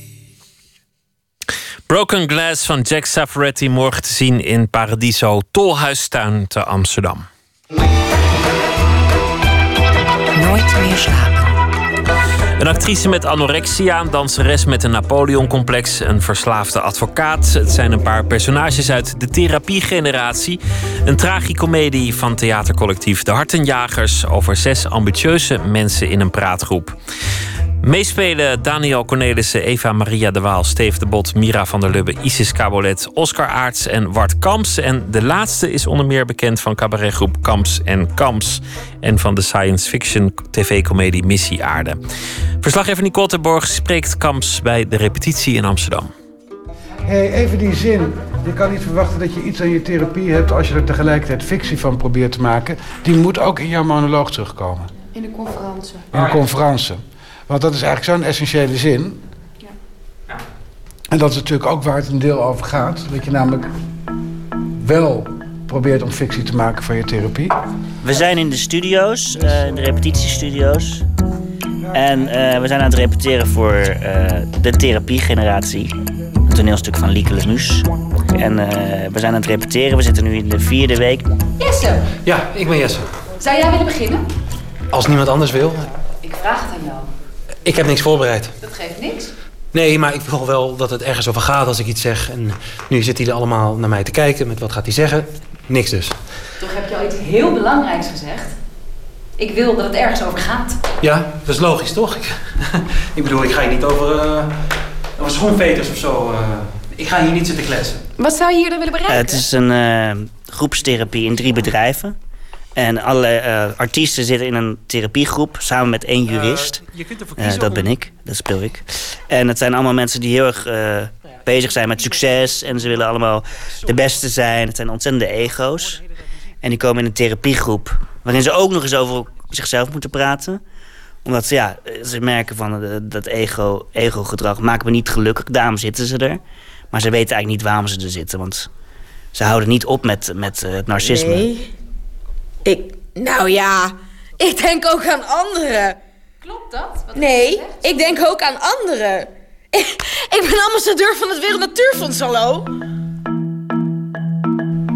Vier acteurs en drie actrices zitten op donkergroene stoelen op een rij. Tegenover aan de andere kant van de repetitiezaal kijkt regisseur Job Gosschalk toe.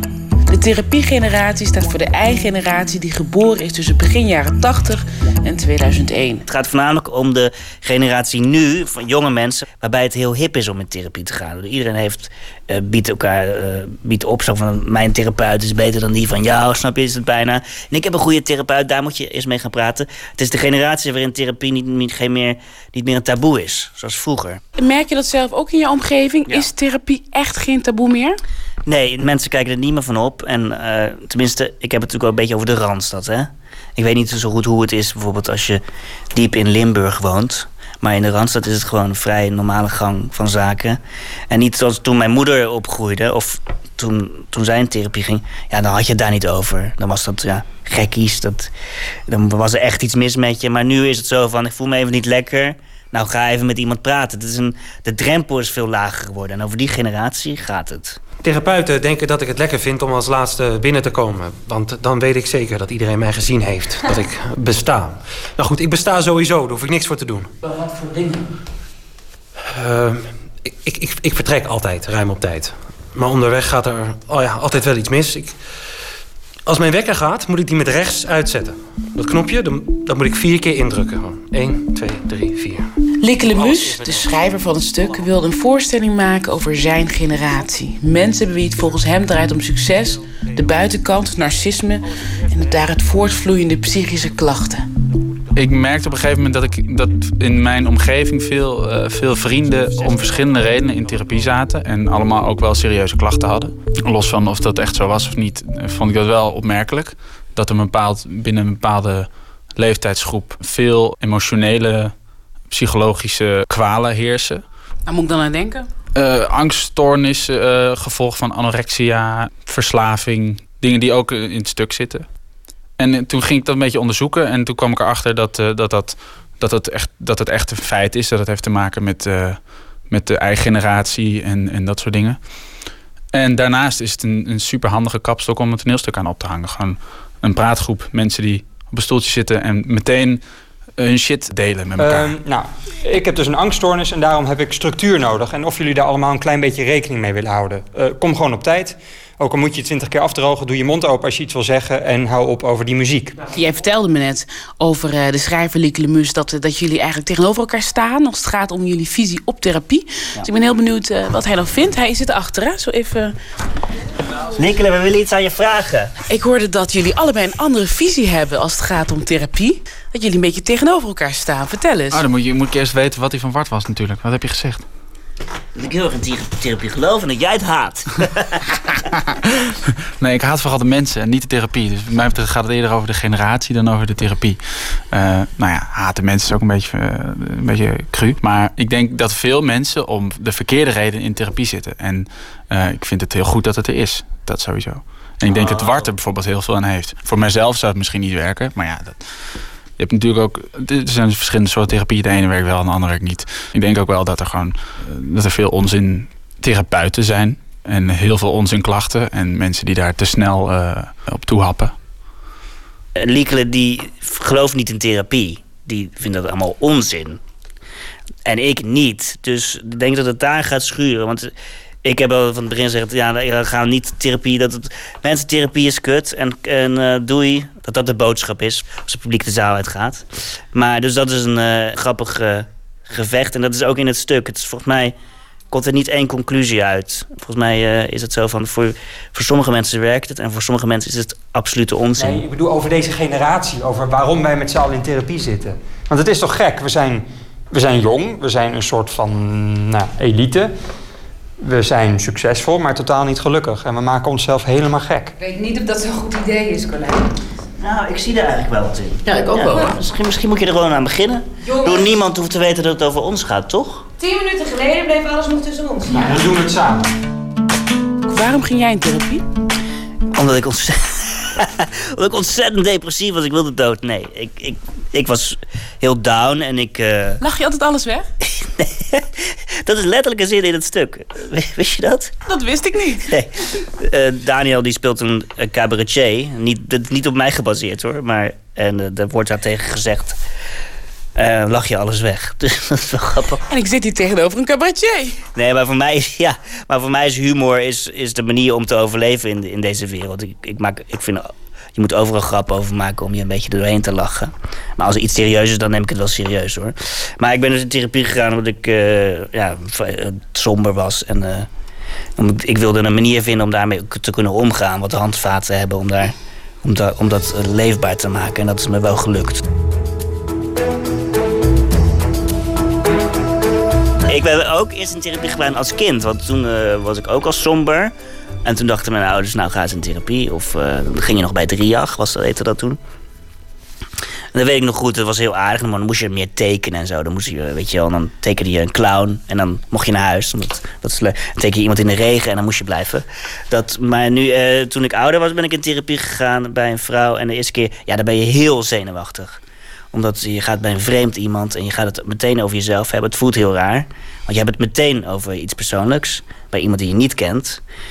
Dus dat is een ontzettende uh, drempel die je dan over moet. En, uh, dus je bent heel zenuwachtig. Je kan bijna niet praten van de zenuwen. Tenminste, dat had, dat had ik. En daarna gaat het weer en dan, dan leer je over jezelf. En uh, het is altijd raar om... Ik ben niet heel erg gewend om over mezelf te praten. Ik vind, het, maar, ik vind dat, dat saai. Ik denk dat willen mensen niet horen. Maar als je in therapie bent, dan moet dat. En dan, uh, dat is op, in het begin heel raar. Dan moeten ze heel erg oefenen. Maar later gaat het makkelijker. Eigenlijk is de familieopstelling aan zich... daar moeten we ook gewoon met Wart mee. En daar, uh, daar moet dan ook gewoon echt de focus liggen. En daarna komt de groep weer in al zijn gedaantes terug. En dan gebeurt er daarna voor het publiek van alles... op het moment dat er iemand zegt, ik stop. Ja. Dus er gebeurt wel van alles. Alleen ik begrijp ook voor jullie is hij dan ook al meer dan een uur onderweg. En normaal gesproken zit je dan al in de kleedkamer... omdat je dan eh, je eerste pauze hebt. Aanvankelijk was het plan om alle rollen dicht op de acteurs te schrijven. Dan speel jij een eh, depressieve advocaat.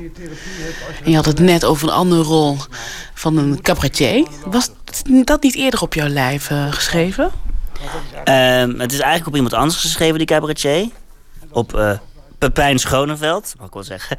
Maar die, die zou eigenlijk meedoen, die zou eigenlijk die rol spelen, maar die kon eh, op een gegeven moment niet meer. Eh, maar ik dacht, eh, ik mocht namelijk een beetje kiezen van wat ik zou willen spelen, of in overleg in ieder geval. En ik vond het vrij, dan, dan gaat het zo dicht bij de werkelijkheid liggen. Dat vond ik minder interessant voor mezelf, omdat ik natuurlijk dat al geweest ben. Om dat dan ook nog te gaan spelen, is voor mij niet echt een uitdaging. Dus vind ik het leuk om iets te spelen wat iets verder van me afstaat. Zoals een jurist, of als, zoals een, eh, een beetje bekakte jurist. Dat is voor mij moeilijker en dat vind ik dan spannender om te doen. Dat is voor mij meer een uitdaging en daar leer ik zelf ook meer van. Dan mezelf te gaan spelen vind ik niet echt interessant.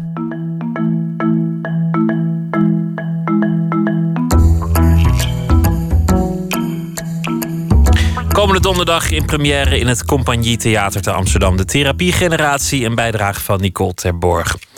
Uit Austin, Texas komt gitarist-zanger Gary Clark Jr. Hij is eh, wat ze noemen een representant van de Texaanse blues.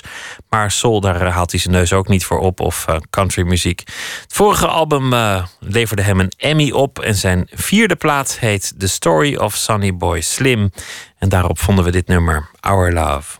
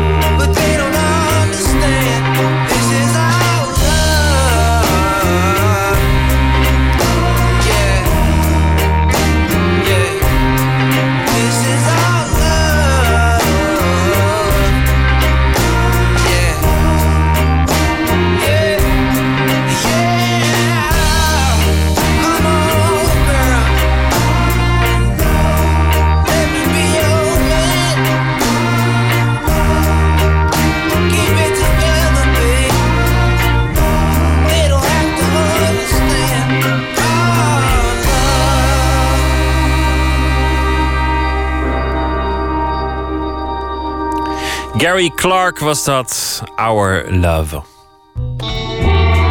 Nooit meer slapen.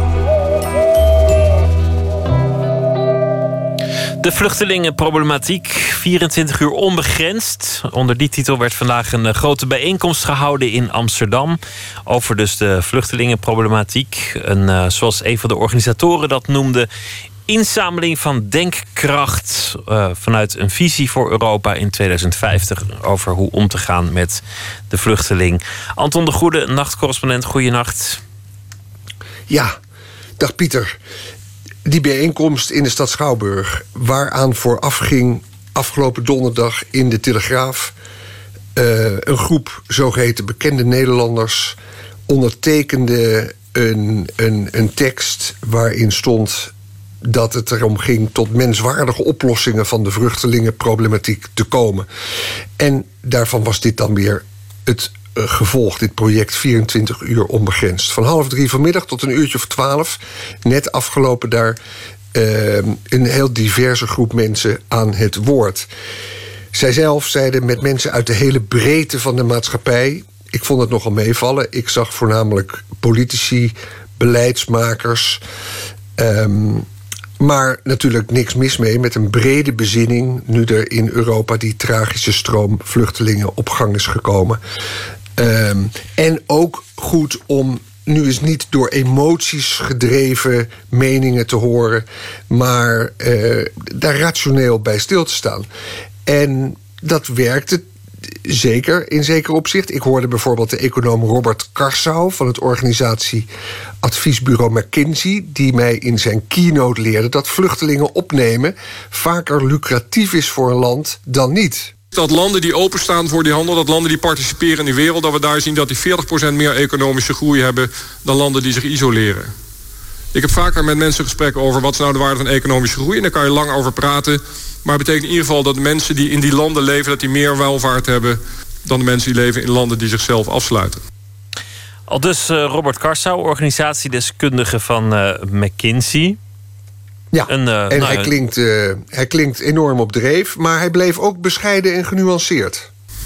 Toen was de vraag... wat betekent dat nou voor immigratie en voor vluchtelingen? En dat is natuurlijk een hele goede vraag. En om ik te zijn heb ik daar niet echt het, het antwoord op. En het heeft ongetwijfeld een hele hoop aspecten. Ja, maar dat, het is natuurlijk een, een moeilijke vraag. En een, een, vraag die zich eigenlijk beperkt tot de kwestie: uh, stuur je iedereen weg of uh, zet je de poorten open? En, en alle tinten daartussen. Want volgens mij is er uh, niemand die alle extreme varianten wil. althans, niemand in, in de politiek. Um, nee. Waar ging, waar ging het vanavond um, over? Nou ja, hoe humaan is het eigenlijk uh, op de lange termijn om je grens te openen? Die vraag zou je heel scherp kunnen formuleren. Ik heb niet alle discussies en debatten bijgewoond vanavond, moet ik zeggen. Maar mijn indruk was dat. Ik hoorde bijvoorbeeld eerder vanavond in het programma 1 op straat op deze zender. David Pinto. Um, ook naar aanleiding van dit evenement. En die zat daar de stelling te verdedigen. Stop met het hier ontvangen van vluchtelingen. Het is nog goed voor die vluchtelingen. En het is evenmin goed voor onze samenleving. Ja, deze mening kwam volgens mij niet echt aan bod uh, in de stad Schouwburg. Terwijl je die ook zou kunnen hebben. Um, het geluid in de Schouwburg was denk ik uh, van de gemiddelde spreker vooral een beroep op barmhartigheid en op hulpvaardigheid. Zoals je hier verwoord wordt door Ruben van Zwieten...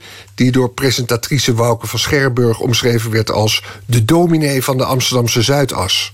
En ik dacht, de relatie uh, Nederlander, vluchteling, westeling, uh, migrant... Uh, te beschouwen over de kant van de liefde... en te zien als een ontmoeting tussen het ik en het jij.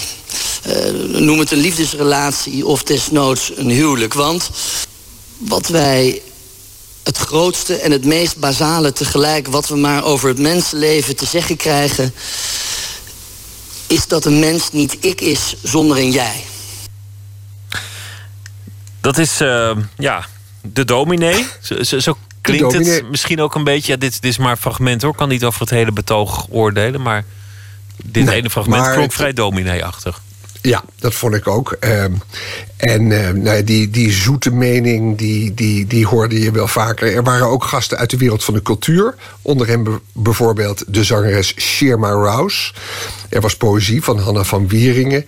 En ik sprak in de wandelgangen met Marcus Azini. Hij is regisseur van Theater Oostpool. En des te interessanter omdat hij zelf ooit van Brazilië naar Nederland kwam om, naar eigen zeggen, in Nederland als homoseksueel uh, een prettiger leven te hebben. Hij noemt dat zelf een zelfverkozen ballingschap. Twintig jaar geleden kwam hij naar hier. En hij kan dus eigenlijk als geen ander wel oordelen over hoe het is om migrant te zijn. Ik besprak met hem de niet te onderschatten moeite die je hebt als migrant om in een land als Nederland je draai te vinden. Er wordt zoveel van mensen gevraagd. Uh, wij zijn in Nederland best hard daarin. Het is welkom, kom binnen. Maar op het moment dat je binnenkomt moet je zoveel regels, sociale regels en uh, culturele regels uh, volgen om erbij te moeten passen. En omdat je dankbaar moet zijn dat je er bent, dat het ja, heel ingewikkeld is. Ja. Wat, wat maar zou... ik denk dat wij als, ook als Nederlanders zouden veel ook, uh, ook kunnen zien dat we ook rijker worden. Doordat iemand uit Iran naast je komt wonen. Snap je? Dat zou je kunnen zien. Het is een stukje van de wereld die dichterbij is gekomen. Luisteren. Snap je? Niet alleen maar vertellen wat, hoe het moet. Luisteren. Snap je? is een heel belangrijk uh, onderdeel van het, uh, van het integratie ook. Dat we naar elkaar luisteren. Ja. Het klinkt zo eenvoudig, maar het gebeurt kennelijk te weinig. Nee, het is helemaal, ja, het is helemaal niet eenvoudig. het klinkt eenvoudig alsof we het allemaal zouden doen, maar uh, ja, we zijn ook bang. We zijn, ja, we zijn bang voor de ander. En, uh, en de ander is anders. Je wordt geanalyseerd en dan word je geacht dat wat je hebt. Of je, ik ben bijvoorbeeld, ik kom uit Zuid-Amerika, dus ik ben emotioneel, een emotioneel mens. Uh, ook dat ik minder emotioneel moest worden eigenlijk. Je moest minder emotioneel reageren op dingen. En um, ja, dat is een heel klein voorbeeldje nu. Maar ja, dat zijn hele ingewikkelde processen. Zeker op het moment dat je ook met religie te maken hebt. En hele extreme verschillen in cultuur, et cetera. Ja, ben je nou iets wijzer geworden op deze avond, Anton? Heeft het iets, iets opgeleverd? Nou, zo'n ontmoeting met uh, deze Marcus Azini... dat ga ik me herinneren, denk ik wel. Want het is een mooi persoonlijk verhaal. En hij vertelde hoe hij in Amsterdam woont als homoseksueel... en in een situatie die hij in Brazilië eigenlijk nooit zou kunnen bereiken. Verder uh, is het even afwachten... Um, en heb ik eerlijk gezegd niet zoveel nieuws gehoord. Um, ik, ik heb net nog gebeld met de organisatoren, want die willen met aanbevelingen komen.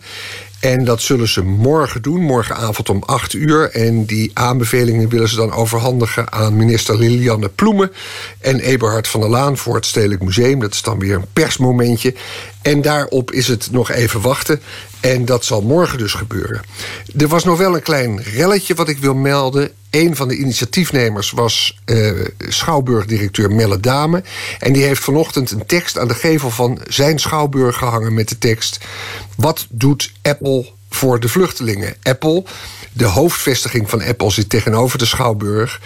En eigenlijk een rare actie vond ik dat. Melle Dame zegt zelf in het parool vanavond ja, Apple verdient veel geld en betaalt weinig belasting, dan vind ik de vraag reëel wat zij doen voor de vluchtelingen.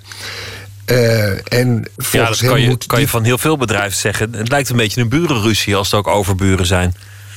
Ja, dat, de, lang niet iedereen was er blij mee. Hij heeft verder nog gezegd: Apple staat symbool voor multinationals die veel verdienen en weinig belasting betalen. Uh, ja, er kwamen ook gelijk reacties, onder andere van Annabel Nanninga, die we nog kennen van Geen Stijl. En die uh, pareerde deze actie met de leus. En wat doet de stad Schouwburg voor de mensen die nu meer dan 13 jaar op een sociale huurwoning wachten in Amsterdam? En in een column heeft ze inmiddels de post online, heeft ze die gezet, noemt ze het een dieptepunt van kijk ons eens deugen. En daar geef ik haar eigenlijk ook wel weer gelijk in. Een misplaatste actie, naar mijn idee, uh, bij een eh, verder nuttige bijeenkomst. En wat het gaat opleveren, horen we morgen als die aanbevelingen worden aangeboden. Anton de Goede, dankjewel. Goeienacht. Goeienacht, Pieter. Muzieksamensteller eh, Lotje IJzerman zegt dat als je van Joni Mitchell houdt of Laura Nyro, dan moet je ook eens luisteren naar Joan Shelley uit Louisville, Kentucky. Want uh, al daar in Kentucky heeft ze in een koude schuur een nieuwe plaat opgenomen met de titel Over and Even. En uh, Bonnie Prince Billy zong bijvoorbeeld mee. We gaan luisteren naar Stay on My Shore.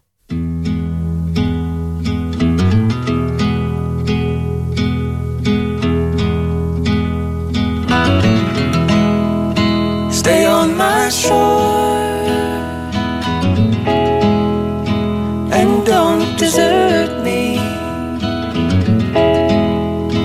And if you go,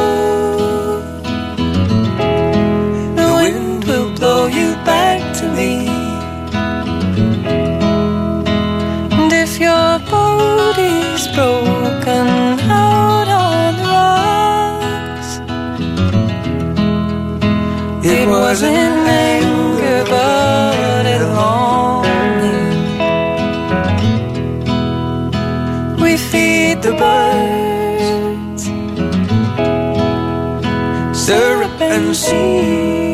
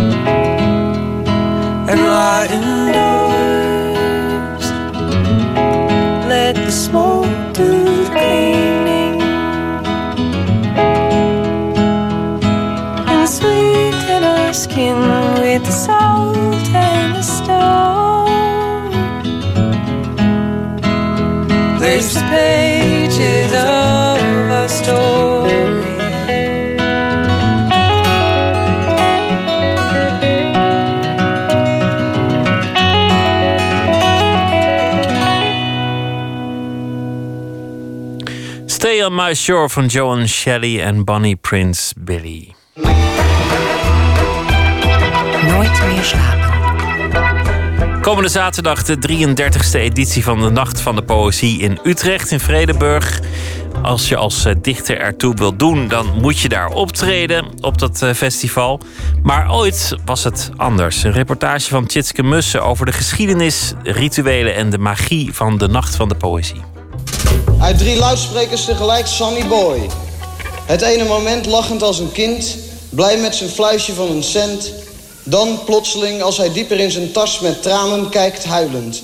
Dit is Jules Dilder als broekie van 22. Terwijl ik me in opperste verbazing zat af te vragen wat die zouteloze foto van koningin Elisabeth boven de kachel deed. Het is 1966 en samen met 25 andere dichters is hij door Simon Vinkenoog uitgenodigd om voor te lezen tijdens Poëzie in Carré. Vinkenoog vertelt erover op tv. Van Vaandrager heb ik gehoord dat hij het uh, ouderwets vond. Nu weet ik niet wat ouderwets is, dat is een vreemd woord. Ik vind dit op zichzelf al een nieuwe stijl om 26 dichters een hele avond te laten optreden. Dat is totale poëzie. Totaler dan de dichter zelf kun je het niet maken. Halverwege de jaren 70 krijgt de legendarische avond vervolg in België.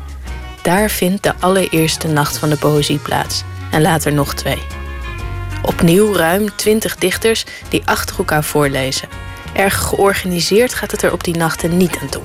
Na de volgende dichter is het pauze. Kunt u uw hart luchten met Johnny de zelfkikker. Kunt u uw hart luchten. Johnny, lucht je hart.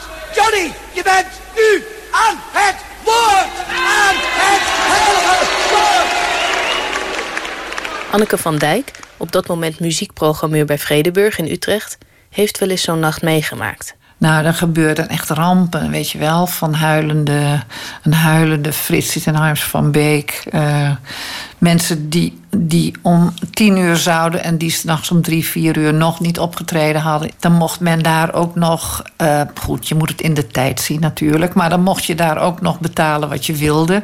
Nou ja, dat gebeurde natuurlijk niet. Hè. De ene gooide er uh, vijf gulden in en de andere een kwartje. En dus, dus ook financieel kwam het allemaal niet uit. En het was dan de bedoeling dat de dichters na afloop daaruit betaald werden. Forget it. In 1980 organiseert zij de eerste Nacht van de Poëzie in Vredeburg. En dat is ze tot haar pensioen in 2007 blijven doen. Met haar team zocht ze de dichters nauwkeurig uit... Maar hen overhalen om te komen was in het begin niet altijd zo makkelijk. Bel jij maar eens Rutger Kopland. Ik, ik, nou ja, een ijzeren ontvangst, dat was het gewoon. Ja, joh, wie ben je? Ik weet helemaal niet wie je bent en wat je wilt. En, en ze zijn ook bang om voor gek te staan. En uh, echt, ze zijn echt veel kwetsbaarder dan een heleboel mensen denken. Ze waren, ik bedoel, nu verandert dat allemaal. Maar dat was helemaal niet zo normaal. Wat hadden we gehad? Alleen maar in poëzie en carré. En uh, nou, misschien nog eens een keer iets. Maar dat, dat was het. Dus ik heb me echt, ja, echt een beetje in moeten vechten. Dat kun je toch rustig stellen. Voor Lutje bijvoorbeeld moest ze alles uit de kast halen. Ja, op, op een dag moet zo iemand gewoon komen. Hè? Dat gold ook voor Hugo Claus en zo. Die, die moeten daar gewoon zijn. Als je een representatief beeld wilt geven van de Nederlandstalige poëzie, dan mogen bepaalde mensen niet uh, ontbreken. En het, ja, het is ook een testimonium paupertatus. Als je niet zorgt dat dat voor elkaar komt, dan heb je maar te regelen, vind ik. Dus ik heb daar echt heel veel energie in gestoken. Dus via Brecht, zijn zoon in Bergen. En die gaat uiteindelijk schoorvoetend het uh, nummer van een barretje in, in de buurt van Alicante, waar zij hun huisje hadden. En dan belde ik mijn beste uh, school Spaans boekje erbij natuurlijk, woordjes opzoeken. Van of, um, of hij daar was. En dan, uh, no, no, nee, ja, misschien op het eind van de middag. Nou ja, dan weer bellen, weer.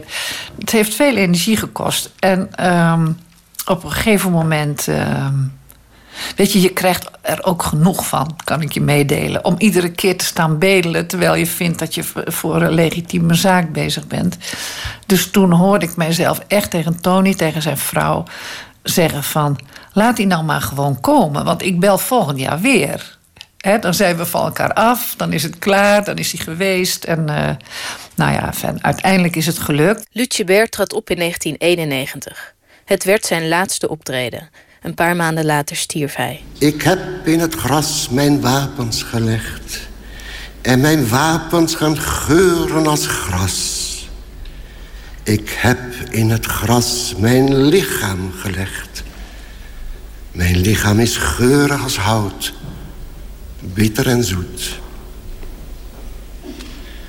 Dit liggen, dit nietige, luchtige liggen... als een gele foto, liggend in water... glimmend gekruld op de golven... of bij het bos, stoffig van lichaam en schaduw. O, grote adem, laat de stenen nog niet opstaan... Maak nog niet zwaar hun wangen, hun ogen... kleiner, gebrilder en grijzer... Laat ook de minnaars nog liggen. En stilte zwart tussen hun zilveren oren. En ach, laat de meisjes hun veertjes nog schikken en glimlachen. Tegenwoordig liggen de zaken anders, vertelt dichter Ingmar Heitse. Drie dingen die je als dichter wil. Je wil een, in de buurt bij, bij een behoorlijke uitgever. Je wil met minstens één gedicht in de dikke komrij staan. En je wil een keer bevoorgelezen op de Nacht van de Poëzie. En als je dat allemaal gedaan hebt, dan, wordt het, dan mag je ook wel zeggen van... nou, dan, ja, begint het toch op te lijken dat je dichter bent. Heidse bezoekt de nacht al van kinds af aan. Mijn moeder had het misschien wat vreemde plan opgevat... om mij al op mijn vijftiende mee te nemen naar die nacht. Want ze dacht, dat vindt hij misschien wel leuk. Ik was net zelf begonnen met gedichten schrijven. En mijn moeder dacht, dat is leuk voor de jongen. En ze had er zelf ook wel zin in om, daar, uh, om daarheen te gaan. Uh, dus wij naar Vredenburg. En, uh, dat, dat, was nogal spectaculair.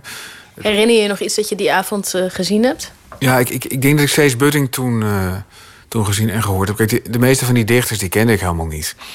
Ik kende wel dichters, maar dat, ja, dat, dat waren doorgaans dode dichters. Slauerhof en zo. En Nijhoff, dat las ik dan. of dat probeerde ik in elk geval. Um, dus wat er. Eigenlijk had ik nog geen aansluiting bij wat dan hedendaagse poëzie was. En uh, daar was die nacht eigenlijk heel geschikt voor. Want ik, ik, ik, ik vond het leuk en ik ben toen eigenlijk elk jaar gegaan. Ik heb sindsdien geen nacht overgeslagen. Jaren later publiceert hij zijn eerste bundel. En toen dacht ik, weet je wat, ik stuur dat naar Anneke van Dijk. Want ik wist wel dat zij uh, uh, de organisator was van de nacht vanuit Vredenburg. Uh, met een briefje bij van, nou, ik verwacht dat ik uh, de volgende nacht zal worden uitgenodigd. En uh, ik hoor het wel. Dus net een week daarna belt Anneke van Dijk. En ik, oh jezus, shit, shit, shit, shit, shit. Nou ja, bedankt voor je boekje. We hebben het plezier gelezen. En nou ja, we nodigen je niet uit voor de nacht. Dan kon ik wel zeggen, dat had ik ook geen moment verwacht. Maar ik was er verbijsterd dat ik überhaupt gebeld werd. Dat had al iets. En dan in 1997 is het eindelijk zover. Toen belde Anneke van Dijk andermaal op en zegt... Uh, Ingmar met Anneke, het is zover. We willen je graag uitnodigen voor de nacht als je niks anders te doen hebt. Ik heb niks anders te doen. En uh, nou ja, toen... Uh, ja, daar, daar heb ik naartoe gewerkt. Daar heb ik, heb ik voor getraind ongeveer. En dan om een uur of half vijf... Het loopt altijd uit de Nacht van de Poëzie... is Ingmar aan de beurt. 400, 500 man, je kunt het niet zo goed zien. Want het is donker, bovendien liggen de meesten onderuit. En af en toe hoor je een glas of een fles omvallen. En... Maar op een gegeven moment. Kijk, die, mensen die zijn allemaal gebleven voor de laatste dichter. Niet speciaal voor jou, misschien een paar, maar. Uh, uh, want jou kennen ze niet. Maar ze willen wel die nacht gewoon van kaft tot kaft meemaken. Dus dit zijn de diehards. Dus in feite is dat het beste publiek dat je hebben kan. Ook al zijn ze misschien een beetje beneveld, vallen sommigen af en toe in slaap. Dit, dit zijn die mensen die altijd naar die nacht komen. Die altijd, zodra het in de verkoop gaat, een kaartje kopen. En die, die, die, die, die, gaan er gewoon voor.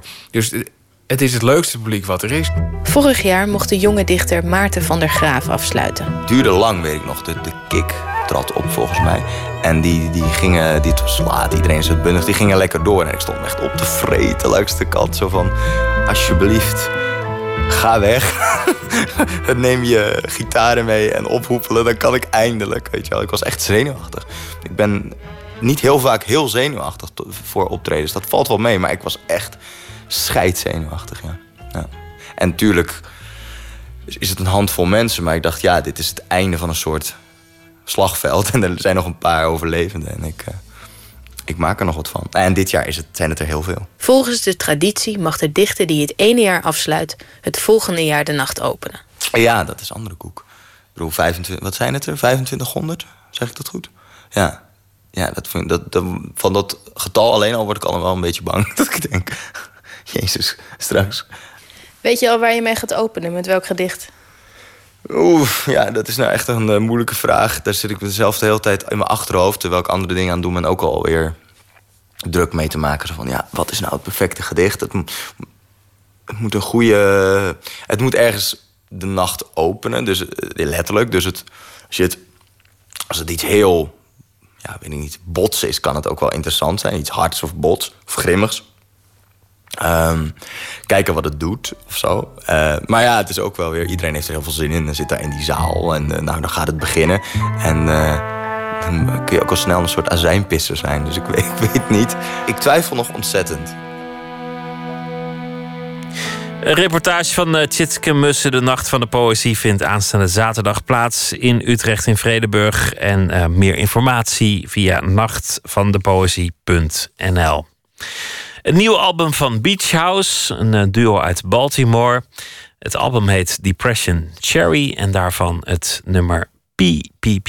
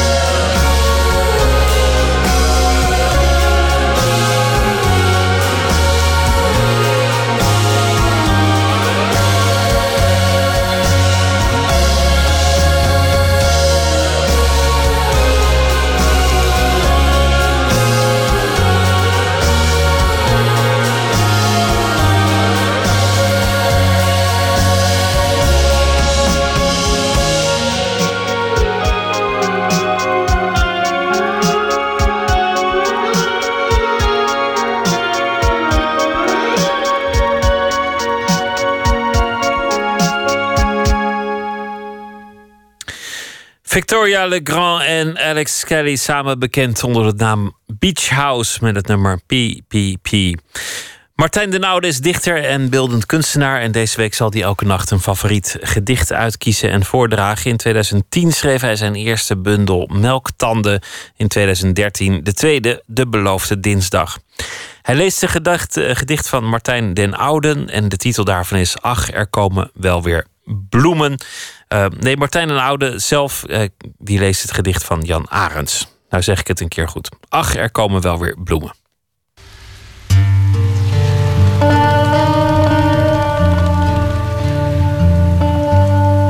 Het eerste gedicht, Jan Arends, Ach, er komen wel weer bloemen.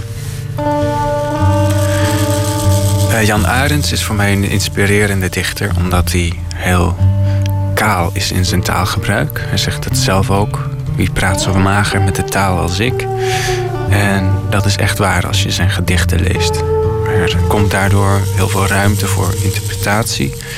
En zijn uh, taalstructuur, die lijkt eenvoudig, maar uh, is ergens ook heel bedreigend. En dat uh, spreekt me erg aan.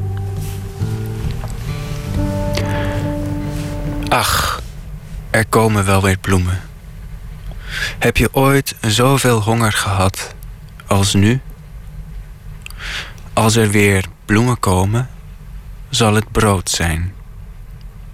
Dan komen alle dromen terug. Boze dromen van honger zullen weer terugkomen. Er komen weer bloemen van lente en angst voor de winter. Martijn den Oude las het gedicht van Jan Arends. Ach, er komen wel weer bloemen. En morgen zal Martijn weer een gedicht uitkiezen en voordragen. Komt ook uh, schrijver Christon Vekeman uh, te lang, langs. Hij is uh, Vlaming en schrijver heeft vele romans geschreven. Zijn laatste heet Hotel Rozenstok. Dat morgen in Nooit meer slapen. Nu een hele goede nacht. En hopelijk luistert u morgen weer. Zometeen op NPO Radio 1, de EO. Goeienacht.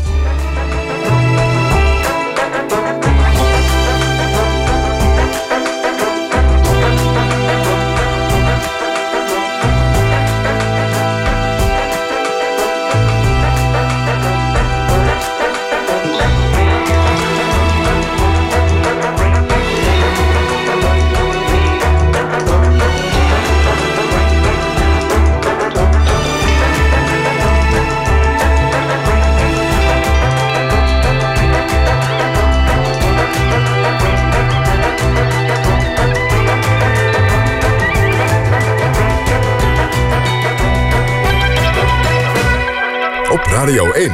Het nieuws van alle kanten.